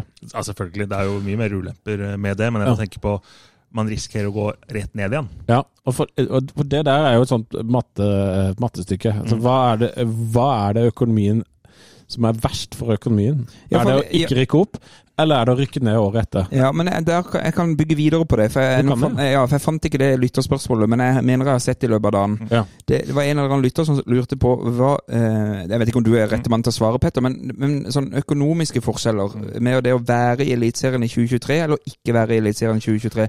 Er det gapet så stort neste år? Ja, enormt neste år, faktisk, Mm. fordi det er nye medieavtale på, på, på plass. Ja. Eh, og det førte også til at Stabæk denne sesongen har et høyere budsjett i Obos-ligaen enn det de kommer til å ha i, i Eliteserien Ja, neste sant? sesong. Fordi at de gikk all in. Tenkte Mm. at det her må vi være med på. Det blir for dyrt for oss rett og slett å, å være i, i Obos-ligaen. Jeg lurer på om de får eh, ti millioner mer eller et eller annet Ja, sånt i sammenlignet med hva du fikk i den gamle medieavtalen. Eh, så mm, det er eh, Så de økonomiske forskjellene er større enn ja, det noen er det gang, da. perfekte året å rykke opp når Ja. du ser på eh, økonomien. Eh, Det er det ingen tvil om. Og så er det vel noen som har sagt at eh, det er også det perfekte året å ikke rykke opp, fordi du får også mer penger i Obos-ligaen nå. Ja, men, men, men forskjellene blir jo sånn sett Ja, ja. større. Da, da får jo de Ja. over deg enda mer. Og, Absolutt. Men det, men det er jo ikke sånn at det blir tøffere å rykke opp neste år, nødvendigvis. Nei. Um, Ja, ja, er eh, Kristiansund neste år, ja, jeg vet ikke. ja, ja. Men jo, hvis du tenker klubb for hvem som havner nede der, det Ja. kan vi jo ta siden. Men Men man tenker jo ikke at Jerv vil være en opprykksfavoritt Nei, overhodet. Nei, ikke. jeg skal vel ned til andredivisjon snart. må huske at Brann og Stabæk eh, og Mjøndalen kom ned før denne sesongen. Mm. Ja. Det er tre eliteserieklubber i mitt uh, hode. Ja. Så, Ja, da, altså Obos neste år blir nok bedre. Ja, men da er vi, Det blir jo mye syns her, da. Men, øh, men vi har øh, Vi må snakke om angrepet òg. Mm. For at Joakim Holtan um, har vært bra i høst. Mm. Uh, klarte det ikke Haugesund. Mm. Um, tror du at han er god nok for Start i Eliteserien? Det, det er jeg veldig usikker på, faktisk. Ja. Eh, Det er litt Ramsland over dette. Ja, det er litt annen eh, type, men det, er, men det er vanskelig å ta det steget der. Eh, Mm. Du kan skåre mye mål i Obos-ligaen uten å være en god eliteseriespiss. Altså, Pontus Engblom var jo kanongod i Obos-ligaen. Fikk det jo aldri egentlig til i Eliteserien. Ble henta til godset og skal liksom være helt sheriff eh, der. og Det viser jo tallene på de som har skåra mye mål de siste fem årene i Obos-ligaen. Det er veldig få som har liksom klart det. Ja, Brunes for eksempel har jo ikke akkurat uh, Nei. dundra inn mål i godset. men jeg bare til forsvar til Martin Ramsland, så har han, han har nå skåret i Eliteserien for Sogndal uh, over noen år. Så, Ja. så han, han har jo fått det til. Men og så tenker jeg uh, eh, Joakim Holtan har jo ikke fått all verden som er muligheter heller i Eliteserien til Nei. å kunne vise seg Nei, og så er det kanskje Og så er kontekst der på en måte å spille på start eh, kontra Haugesund kan være eh, et knepp for Ja. han. på en måte. Altså, han virker som han veldig veldig gjerne vil spille i Start. Ja, og hvis han får en viktig brikke og er vår soleklare Ja. førstevalg på topp, så Men Ja. tror du ikke hvis de rykker opp, så er en angrepsspiller eh, ganske høyt oppe på lista? Men så er det vel flere som har vært innom her som gjest og sagt at det leter alle etter. Så Ja, det leter alle etter, og det kommer jeg til å si. Ja. Men spiss og høyre wingback er jo de to plassene som, eh, som må uh, forsterkes. Det er det ingen tvil om. Uh, og så er det kanskje luksus med en, på, en eller to på midten, da, så, som jeg eh, snakker om. Men eh, eh, det, det, må, det må inn en der. Det, det er mye ungt og Sabo og sånn. Eh, Stoler, jeg, stoler ikke jeg på. Eh, det er en spiller som skal ha 10-12 innhopp, uh, typ. Um, og kanskje til og med lånes ut til et Obos-lag neste sesong dersom man skulle eh, rykke opp. Så men, mens Ja, det blir nok en svenske som dukker opp igjen. Da. ja. Du vet du hva, gutter. Nå tar vi eh, en jingle, og så er vi eh, straks eh, tilbake. Åh, åh, dette er det største som har skjedd siden 1905! 1905? Nei, da ble jo Start stifta. Det var jo mye gøyere, det. Ja, er det ikke dags for litt heid og bleig, eh, Lars Benestad? ja, og vi er ferdig med å spå nå, så nå kan vi Eller synse? Ja. Men vi, vi, har jo, vi, har, vi kan vel konkludere med at eh, det er stor sannsynlighet for eliteseriespill. Hei! Få det på. Få det på. Ja, beklager til alle dere som nå går tur i mørke skoger og sånn, og får den togluren og, og, og blir redde. Det er jeg lei meg for. Men vi begynner med Lars Martin, som ikke er til stede, men han har sendt oss eh, sin heid. Og han skriver følgende Tønnesen. Heid for sinnssyke mål. Kontrakten går ut til sommeren. Vi må finne noe han liker like godt som Schulze liker badeball, og over, overøse han med det. Nettopp, ja. Hva liker en, eh, en ja, fra Grimstad? Ja, Det må jo bli sånn pølse fra Nottos. Ja, ikke sant. Så det er pølsebrød. Pølsebrød fra, fra Nottos, ok. ok. Det er mulig vi må gi han Bleig også noe, for Ja. Lars Martin sin Bleig det er Savo. Etter en lovende start har det blitt tynnere suppe de siste kampene. Ja, Der er jeg enig med Lars Ja. Martin Grimse. Jeg er også enig. Han var frisk. Han skårte vel en fire mål, tror jeg, på de første seks kampene. Petter, dette er vel du? Noe sånt. Ja. Ja. Mm. Hva tenker du om Savo, da?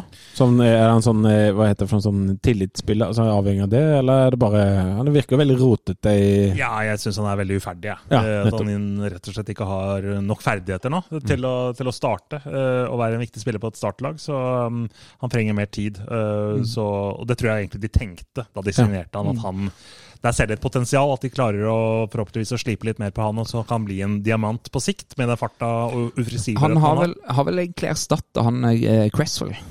Ja. Mm. Det er vel egentlig, For han har jo ikke sett snurten av sida. Jeg ble ikke han skada?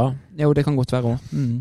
Men eh, jeg er enig. Vi er enige med Lars Martin sin Bleig der. Eh, Lars, har du heid? Ja, jeg, min heid, det må være Eirik Skjulsen nå, på en måte. Ja. Etter så mye gnål og mas. Og så jækla mye badeballer. Å, fy fader. Så Men eh, nå er tusen takk til alle som har kjøpt badeball. Ja. Eh, ikke minst eh, P-mann Trond Aukland, som Ja. eh, hamstra inn før Skeid der. Og ikke minst tusen takk til uh, Eirik Skjulse, som eh, vil bli to år til i start. Og, og eh, eh, det for meg som supporter så betydde det veldig mye. Mm. Så veldig glad for det. Så da blir du heid. Men det kunne vært flere, for nå er det mange heide, syns jeg. Men, men, Men eh, Eirik, for meg så er Eirik fortjener den der nå. Ja, det det betyr innmari mye. Jeg liker det så godt at han skal være en del av det laget. Eirik Schulze er Start. Ja, Definitivt. og i hvert fall nå. Bleig. Ja, det i, i litt sånn vanskeligheter med å finne et, eh, Litt vanskelig å finne, men uh, nå er det lenge siden Henrik Ropstad har ringt. Så hvis du skal, opp, hvis du skal opprettholde Ropstads hjørne, Henrik, så må du begynne å ringe. Henriks eh, hjørne der, eller Ja. Ropstads hjørne. Så det var bleik, det. Han har ringt oss én gang. Ja. Det er tynn bleik. Ja, veldig tynn. veldig tynn. Uh, kan ta min heid. Uh, den går til mine brødre, skulle jeg si. Bortefansen i Sogndal. Det der er en voksen tur, altså. Det er åtte timer vel fra Kristiansand, og det er vel nesten tilsvarende fra Oslo. Eh, så det er bare hyll, hyll, og da har vi en jingle til det.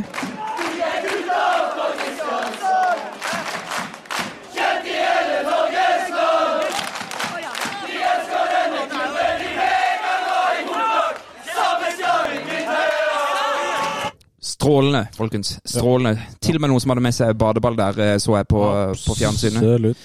Det er helt king. Eh, Bleig, dette må være siste gang. Ja. Dette må være siste gang. men jeg ble ikke for Peter Reinhardsen. Fjerdedivisjonsspilleren som hadde fem gode kamper, som kommer til å ende opp i Gjøviklyn. Good riddance. Og nå er vi helt ferdig med de greiene her. OK? Enig? Yes. Da kjører vi en jingle. Retro, bam, bam, bam. Retro. Der har vi ny jingle igjen, og det er tid for retrospalte. Vet du hva, Det der er det fineste jeg noen gang har laga. Er det det? Ja. Det blir ingenting som kan bli bedre enn det. Det er kjempegøy, da. Ja, det den, den tok det på direkte. Ja, her, altså. retro, bam, bam. Nydelig. Litt Ja. inspirert av um, eh, Radioresepsjonen, naturligvis, men uh, det passer seg inn her. Du, det var jo egentlig Lars Martin Gimse skulle, som skulle ha retrospilt av denne runda. Spelta. Mm. Uh, du fikk den kasta i fanget når Gimse måtte til Tromsø. Ja. Hvilken kamp skal vi til? Nei, vi skal uh, Dette blir retro, skikkelig retro. Eller ikke Altså, det blir en av uh, Vi skal tilbake i 1994. Så uh, det er en kamp jeg husker Det er en kamp i august, jeg husker det godt. Jeg var der på stadion sjøl sammen med min far, som jeg ofte var. Og så var det start mot Strømsgodset i 1994. Og Kan du tippe et resultat der? Jeg tipper 7-1. Ja, ikke én. Nei, 7-0. 7-0, ja. Okay. Så Start slo Strømsgodset 7-0 i 1994. Og grunnen til at jeg tar det fram, er eh, fordi at det laget der Det er fett, da! Jeg- husker jo hele kampen vi rundspilte, og Godset og Godset var nok et, eh, et lag i fritt fall. Og, og Start var jo da i, i, i den andre retningen. Da. Så da eh, så Brede Skistad hadde snakka om at det var um, ketsjup-effekt på de. Da.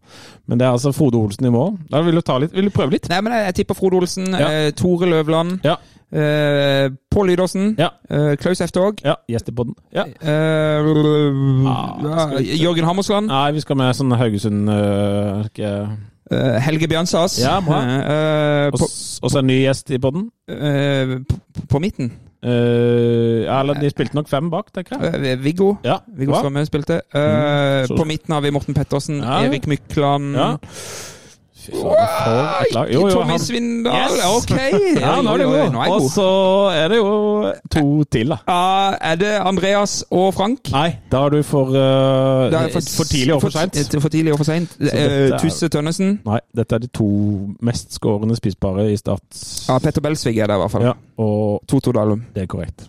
Det laget der Ja, det var sterkt, men sterkt levert òg. Ja, takk, takk, takk. takk. Jeg husker før den sesongen 1994, så ble jeg altså uh, Start tippa av Sportsrevyen til å vinne seriegull. Men så ble det jo en haug med u- øh, uavgjorte på Kristiansand stadion. Men i den kampen her, mot eh, Strømsgodset, så vant altså Start 7-0. Og de bomma til og med på straffe. Ja, og den straffesituasjonen Ja. Det er jo bare å gå inn på YouTube og finne. Den er jo helt ja. fantastisk. For Ja. det er vel Er det Myggen som spiller til Frode Olsen? Nei, det er motsatt. Det er Frode Olsen som stiller opp og skal ta straffa, og så Ja. uh, gir han pasning til Myggen, og så skyter Myggen. Altså, det fisleste skuddet du kan tenke deg. Ja, den husker jeg faktisk. Ja. Ikke kampen, husker den. Det er helt elendig skudd av Myggen. Da. Så, det, så uh, det, det, er, det er egentlig nesten det eneste bildet minnet har fra kampen. Det er den ekstremt rare straffa. Så Myggen, av alle, det er pusleskuddet. Men tar du hvem, Jeg skal ikke tippe, men hvem skåret målene? Uh, ja, Uh, skal vi ikke tippe? Nei, for det ble bare Det kan jeg nå. Nei, da skal jeg bare bytte side her. For det, det var jo Myggen på 1-0. Oh, ja, Okay. Ja, så for det er bare det målskårende her er jo fett, da. For det er Myggen, eh, og så er det Totto, og så er det Totto, så er det Pål Lydersen, så er det Petter Belsvik, så er det Totto, og så er det Tore Løvland. Gud, for en tid Ja, ja. å være i live på! Ja, ja. Og så var det Vegard Hansen som spilte i Forsvaret. Ja, det, er ikke rart, det er ikke rart det ble 7-0. Er Så det rart. var mitt eh, lille minne. Fantastisk. Ja, Skal vi avslutte med jingle nå? det gjør vi, vet du. Retro, bam, bam, bam. Retro. Men den spalta der har kommet for å bli. Ja. For dette du ga meg terningkast tre sist. Ja. Jeg gir deg terningkast fem. Oi! Eh, Jeg gjør det, Ja, ja. for jeg er en snill fyr. Ja. I motsetning til det. Ja. Men du sa også, samtidig i forrige episode, så sa du at eh, dette blir mest sannsynligvis vår beste spalte. Ja. Mm. Men så må vi jo finne ut av hva som er forskjellen på et startminne og uh, retrospalten. Ja. Altså, her er det mange Her må det var, jo, det, var jo, ja, det, var, det var jeg som kom med den ideen, eh, og tanken bak det var jo uh, så mye fakta som mulig. Jeg vil gjerne ha tilskuertall i den kampen, for eksempel. Litt sånne ting. Men det, skal det- du, det kan du jo for Ja. så vidt få. Må vi kjøre jingle? Nei, nei. Nei, men uh, eh, jeg, så, jeg så det nemlig, for det var eh, 3902. Ja, og det, ikke sant? Det var ikke all verdens på den tida heller. Og da må du huske, da var det ikke, da var det ikke engelsk fotball på TV 24-7 heller. Det var, dette er en søndagskamp klokken 18.00. Eh, Ikke sant? Ikke sant. Eh, I august så 3902. Det er Ja. nok ikke Ja. det, ja. Det er, det er eh, Vi er bedre enn noen ganger nå. Hva syns du om spalta, Petter? Fin, absolutt. Jeg liker å mimre tilbake. og Det er gøy, gøy å huske sånne lagoppstillinger på slutten av 90-tallet og starten av 2000-tallet. Det er jeg nesten bedre på enn å tippe en lagoppstilling for tre år siden. Men vi kan jo bare starte sine lagoppstillinger, det må vi gi Ja. oss. Ja, vi kan jo bare det, egentlig. det var Thomas André Ødegaard som sto i mål for Strømsgodset, så det er jo eh, i, i vinden, det, på en måte. Eh, ja, etternavnet, hva? Ødegaard, ja. Mm, riktig. Mm. For det, han har vel ingen relasjon til Martin Ødegaard? Nei. Nei, nei. Men eh, det var gøy innspill, det. Vi tar noen uh, lytterspørsmål, vi, eh, og kommer oss videre i sendinga. Eh, denne går egentlig til eh, Petter. Eh, hva ville han endret altså, Det er fra Svein etternavn mm. på Twitter. FC Svein. Hva FC Svein. Hva ville han endret i klubben om han var sjef i Start? Altså kjøp, salg, klubbdrift. Nei, altså For det første så syns jeg jo det er synd at Start spiller på kunstgress. Men eh, det skjønner du at det, det er ikke så lett å endre. Hadde jeg kommet inn og vært eh, sjef der, så, så er det en del prosesser du må gjennom for å, for å gjøre, det- lønnsomt å spille på gress. eh, Og uh, treningsbaner og alt. Uh, Men uh, det er vel litt det derre Skal jeg si sirkusdirektøropplegget rundt en sportssjef, da. Jeg syns Magni Fannberg er litt sånn, litt sånn lukka som person, syns jeg. Selv om han sitter i podkasten og prater lenge og sånne ting, mm. så kunne han kanskje gått ut og tatt litt mer regien i den saken som dere har avsluttet med, med Reinhardsen. Uh, vært litt mer sånn på tilbudssiden på en del eh, ting. At Start uh, ønsker å um, Hva skal jeg si? Eh, hoppe inn i situasjoner med åpne armer og være litt med istedenfor å gjemme seg litt. Uh, Men jeg er usikker på jeg fakt Ja, nå får jeg, nå får jeg sikkert kritikk igjen, da. Men jeg er usikker på hvor mye han gjemmer seg. Jeg er bare litt mer usikker på hvor mye han brukes. Ja, litt. Det var litt voff. Men eh, fordi at du på en måte Ja, nei. Nei, men, jeg- men jeg er enig med begge dere. For jeg tror For oss som har vært ganske tett på klubben i et år nå, så opplever vi Magnes som en som byr veldig Ja, på seg. ja. Men jeg tror utad så fremstår han nok ganske sånn lukka. Ja, og det, Eh. kanskje, jeg, s- jeg, vet, jeg husker ikke om jeg sa ordet 'gjemme seg', eh, men at han Mm. Altså, vi, Det har vært situasjoner hvor vi har spurt om at han skulle stille opp. da. Eh, og Ja, så, ok. har- så kan det hende at det har vært situasjoner på stadion som har skjedd at uh, det har vært kommunikasjonssvikt. Som sånn, så jeg skal ikke legge skyld på han.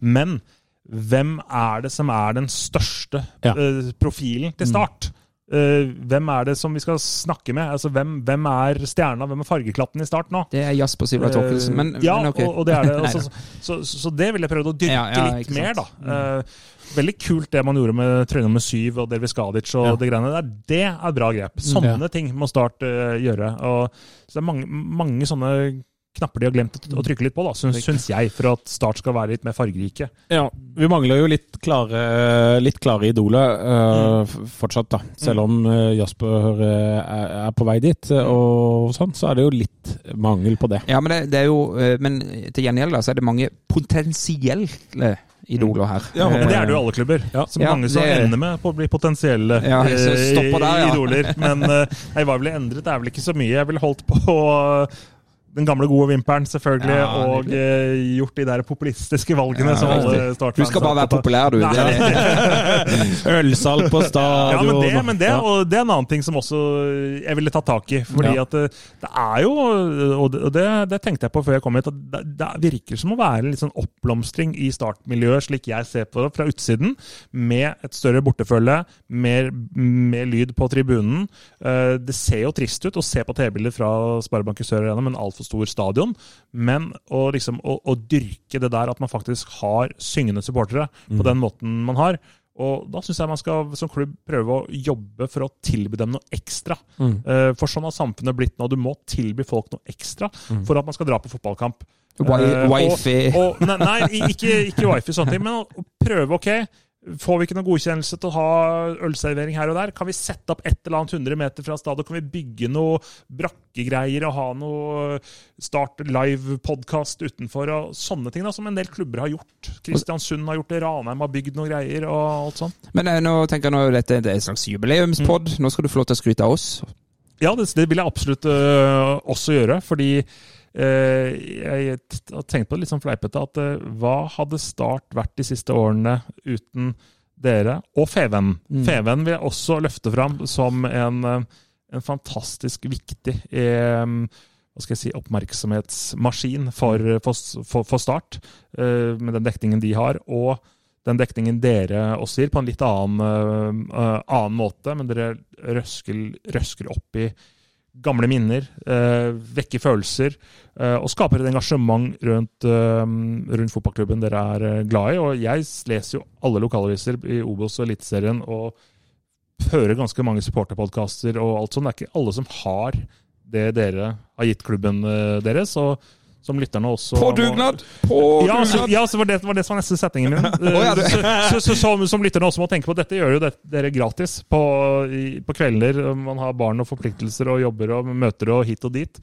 Så um, folk skal virkelig bruke Vips-appen uh, framover for at dere skal uh, holde ut. Så um, Dette skal vi- vi skal engasjement, engasjementet rundt Start det syns jeg er gledelig at um, ha- har vokst litt. Uh, Det, det er veldig popadgående. Det, Ja. det, eh, det er ikke Ja, bare men- på grunn av oss, eh, Nei, men- men, naturligvis. men det er med å skape Ja en effekt, altså. Men jeg, jeg, jeg, er uenig i at det er veldig popadgående. For jeg mener fortsatt at vi har en ganske stor sovende andel supportere eh, som, eh, som kanskje ikke ser på kampen, og kanskje ikke går på stadion, men de følger likevel med. Mm. Kanskje de hører på, på podden og leser aviser og sånt, noe, men, men eh, det, det kan Jeg tror det kan komme eh, ganske mange flere. Eh, men men det, det kan nok hende at det må være litt eliteserie, og, og at denne klubben hadde jo virkelig fortjent en cupfinale. Det skaper ting. ja. Men jeg kan virkelig ikke understreke nok i, igjen hvor viktig de syngende supporterne er for Nei, klubb. klubb. det er Fordi det er, veldig veldig veldig mange som er på fotballkamp Ja. fordi at de syngende supporterne er en del av opplevelsen. Uh, og da, hvis du, hvis du tar vare på de som står der og reiser til Sogndal, Ja. hvis du tar dem i hånda og takker dem for kamp etterpå, som spillerne er flinke til, og Kjelmeland er jo veldig flink med supporterne, skal også trekke fram han Ja. uh, på hvordan denne uh, oppblomstringa har skjedd litt, i hvert fall fra mitt uh, ståsted. Uh, bruk masse tid som klubb på de syngende supporterne, for da vil det komme flere på de andre stedene på stadion òg. Ja, jeg er helt, eh, helt enig. Det Lonsi har gjort det òg. De må også på en måte være med her, for det er noen som har mm. jobba sinnssykt godt der og, og fått til noe på stadion der. Så eh, det er helt klart veldig kult. Tusen takk, eh, Petter, Jo, bare for eh, hyggelige ord. Eh, skal vi se, skal vi gå videre? Du tok vekk et spørsmål der. Ja, det var det vi nettopp hadde tatt. Eh, nei, for det var et spørsmål der om eh, Ja, nå forsvant det. Men det var om vi skal ha podcaster utover vinteren. Ja, nettopp, ja. ja det er litt avhengig av Ja, fristen. det er alt, alt om Obos-liga på Twitter spør blir det pod-episoder gjennom vinteren i, i forhold til neste Ja. sesong. Ikke lov å si det. Du kan bruke med tanke på, eller Ja, i forbindelse med, eller med hensyn på. Det blir i hvert fall podcaster ut eh, kvaliken 20.11, Ja. og så blir det helt sikkert noe i løpet av vinteren. Men som eh, Benestad sier, eh, det kommer litt an på fristeren, og det kommer litt an på dere som lytter. Ja. Det gjør det. Vi er avhengig av det. Eh, Morten Løvsland. Ser ikke kommentatorene på nummer på draktene når de kommenterer Eftevåg og ikke Gregersen? Må jo kunne gi et hint til stakkaren. Han refererer vel til kampen nå i helga hvor kommentatoren eh, Sogndal Start tok feil. Av, Ja. Hvor ofte skjer det det, Petter? Og får du da meldinger i ettertid? Hvis det skjer, så får jeg sikkert eh, meldinger, men jeg skal være kokke nok til å si at det, det har ikke skjedd spesielt eh, ofte. Jeg, eh, hvis det er en- Uttalelse kan det jo være av og til, sikkert. Ja, det, det, Mm. kan man selvfølgelig få um, bli, bli retta på, men jeg pleier å ha ganske god kontroll på det jeg skal kommentere. Og så kan det selvfølgelig være slik at kommer det inn fire unggutter man ikke har sett ansiktet på um, altså altfor ofte, så kan det hende at man må titte litt på ryggen, og, um, da kan man sikkert blingse litt, men Ja. eh, ja, det pleier ikke å skje. Sjøl så noterte jeg meg ikke noe særlig det at de sa feil. Jeg tenker det er helt eh, Har du noe du vil eh, ha spørsmål der? Nei, jeg skal bare tenkte bare jeg skulle gi den der kort oppsummerte til hun Jorunn Bakken, som var veldig opptatt av å få de datoene. Så jeg skal bare ta de på nytt. Ja, riktig. Nå mista jeg det jo, så da hvis du Fader, da. Skal jeg ta et spørsmål i mellomtida? Ja. Ok, dette flyter bra. Det er spørsmål fra Tore Sannen, eh, Sanne Kvinen. Hvorfor hater han Start så mye? Det er utrolig at en mann er så negativ til en klubb. Eh, Ja, jeg lytter fortsatt på dere. Han henvender seg vel til deg, Petter. Eh, Hvorfor hater du Start så mye? Eh, nei, altså det hender det er eh, supportere som, uh, som henger seg opp i negative ting jeg sier om klubbene deres og alt sånn. Og det har jo vært mye grunn til å si mye negativt om Start også, uh, gjennom flere sesonger. Fordi man har satsa stort, man har gjort mye rart. Også gjort mye rart denne sesongen når det gjelder kommunikasjon og eh, en del ting. Og da mm, blir det jo lett at eh, man må si det man faktisk mener om disse sakene. Og jeg hater ikke Start, men jeg syns Start har underprestert ut fra de forventningene man skal ha til Start som klubb, eh, og den historien eh, klubben også har. Så mm, Ja. da, da blir det litt sånn. Men jeg liker Start. Ja, bare, bare, bare, for å si, bare for å si det. Jeg har ikke noe mot Start i det hele tatt. Og, men det blir jo lagt merke til da, når man kanskje går litt mot strømmen på enkelte tips som jeg har hatt før. og, og sånn, Men uh, for all del, uh, bare fortsett å sende meldinger hvis dere tror jeg hater Start.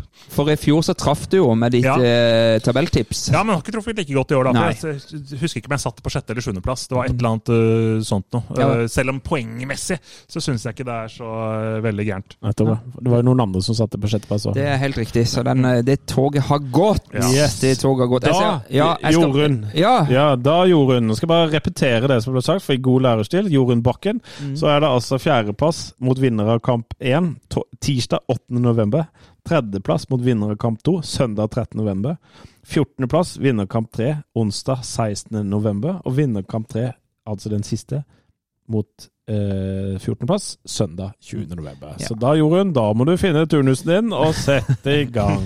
Det må du òg når det gjelder 20. november. Ja, eh, den eh, ryker, den. Ja, du er ikke i landet her, du da. Eh, Mm. Jeg ser at Frank Thomassen har spurt eh, veldig mange spørsmål. Vi har svart på alle, bortsett fra Ja. ett. Og det er når Start rykker opp. Altså når Start rykker opp. Hvilke to spillere fra årets. Obos-liga burde Start prøve å hente, som ikke da er Brann og Stabæk? Men si at Start går opp nå. Er det to spillere du tenker kunne utpekt seg, Petter? Hmm. Tidligere sesonger i Obos-ligaen har jeg liksom tenkt at oh, den spilleren bør prøve seg i Eliteserien, den spilleren bør prøve seg i Eliteserien. Denne sesongen så sitter jeg ikke og tenker på så veldig mange fra lagene mm, bak start da, på tabellen som åh, han må jo opp i Eliteserien, og han må Nei. folk prøve seg på. Så det er ikke så veldig mange som eh, Altså, det fins mange på potensial, da. Altså typ Aron Kiel Olsen i eh, Koffa med den farten og den fysikken han har. Men han vil ikke gå inn i startelveren til eh, egentlig noen eh, eliteserielag akkurat nå. Så dessverre Han, han dårlig svar. spissen på Ranheim har jo vært litt sånn ettertrakta. Ja, men han er jo signert for Tromsø. Ja, ikke, så han er det, Vegard ærlig Erlien. Ja. Eh, og Markus Menert som bøtta inn fram til sommeren, Mm. ble jo aldri hentet av noen. Så stoppet han å skåre etter, eh, etter det. Uh, det er ikke så veldig mye spennende på Ranheim. Eh, August Strømberg er en god keeper i Kongsvinger, så eh, det er en keepersignering som man potensielt uh, kunne gjort. da, Ikke for Starts side, men kanskje en annen klubb. Mm, riktig. Så det er ikke noen, det er ikke noen åpenbare, Nei, altså, Nei. Det, og, mm, den hadde kjøpt mm, først av alle, er jo Gift Orban på Stabæk. Ja. eh, spissen. Eh, men eh, han var jo ikke med i uh, Premier Stabæk har det der med å finne noen sånne av Mm. og til som er helt enestående. Uh, Enok Smith har et innspill. Gøy at han har snudd og tror på at IK Start klarer tredjeplassen nå. Ja. Det er bra. Så der får du positiv eh, feedback. Så han følger podden live, han. Han følger live. Hei, hei Enok. Men det er jo lett å, lett å snu når Start har snudd som det har gjort. da. Ja. Altså på den, eh, på den måten der. Mm. Det, det møtet, eller De møtene man hadde i etterkant av den Stabæk-kampen, det, det har nok spart Start for en del millioner. Uh, for å, Hvis vi skal se på regnestykket der. En trener som kunne blitt sparka kanskje gjennom høsten, og spillere som kunne forsvunnet. Nå får man signert nye avtaler Mm. på en del av spillerne. og sånt, Så det, var, det er de viktigste samtalene i, på lang, lang tid. Vi eh, høres om uh, litt. Å, å, dette er det største som har skjedd siden 1905! 1905? Nei, da ble jo Start stifta. Det var jo mye gøyere, det. Yes. Ja, da eh, begynner vi å nærme oss, gjør vi ikke det? Eller var det noen flere lytterspørsmål? eh, Mm, Eller jeg har fått et et, eh, Jeg har jo jeg har endelig blitt oppdaga som det skiskyttertalentet jeg er, da. Så jeg syns det er veldig takknemlig at uh, dere nå har skjønt at jeg også er Sturla Holm Lægreid. Det er ti av ti. Det er ti av ti. Og så, så det er takk til deg, Prag, som ødelegger mitt dobbeltliv. CS i Beijing, eller hvor OL skulle være, jeg husker ikke. Jeg ser eh, med midjen din er ikke helt uh, like Eh, Nei da. oppover der. Nei. Uh, og så er det uh, Hogne som lurer på når vi skal invitere han materialforvalteren. Og det tenker jeg vi kombinerer med spørsmålet fra Er start. det, ja, det er Trym Hogland. Det er jo i harde mottak, Ja, er det ikke det? Mm. Og jeg tenker jeg- et, et fint spørsmål. Mm. Når skal eh, Rune Hægeland tilbake igjen? Og da tar vi start en tweet samtidig. Kan vi forvente livepod på denne siden av året? Det veit jeg ikke. Kanskje, men da syns jeg Rune Hægeland skal være med. Det synes jeg også. Men da, da tar vi ikke opp.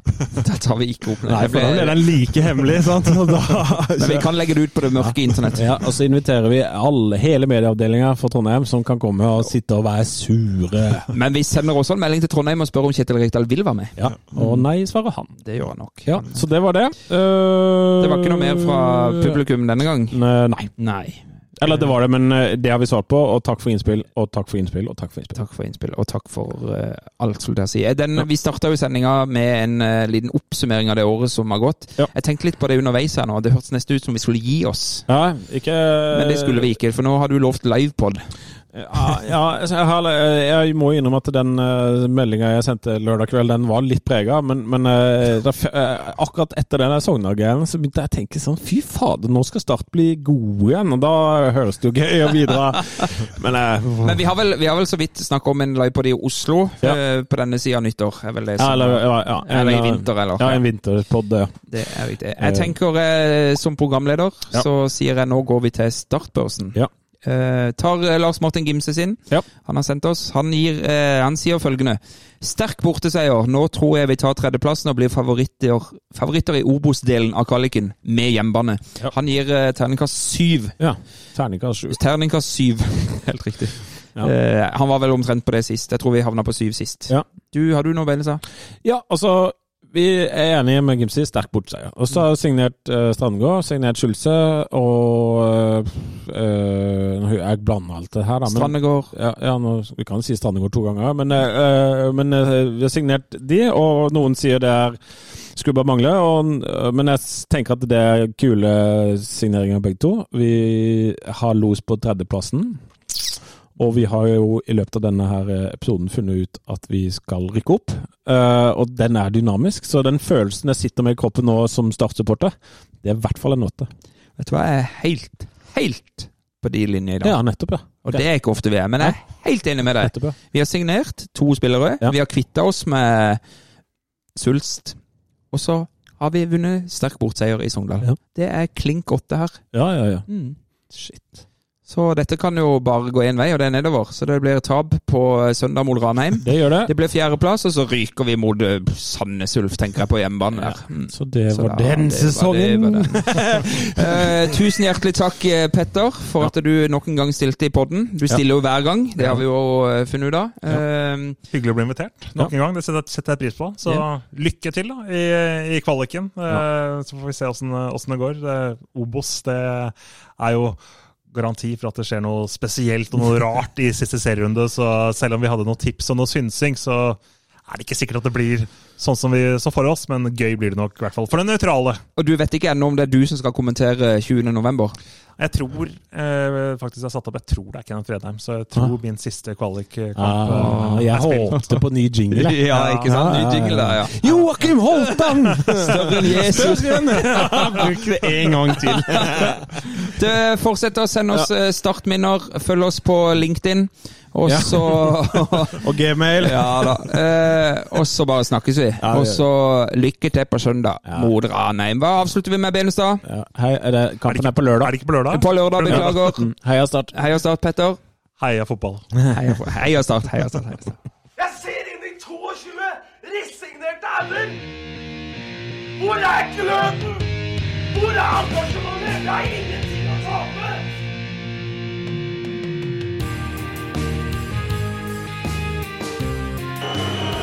Ja, forlenges tid på Martin Ramsland. Skal du sette etter? Og så gjør han det! Martin Ramsland! Har du sett? Han kommer til å bli større enn Jesus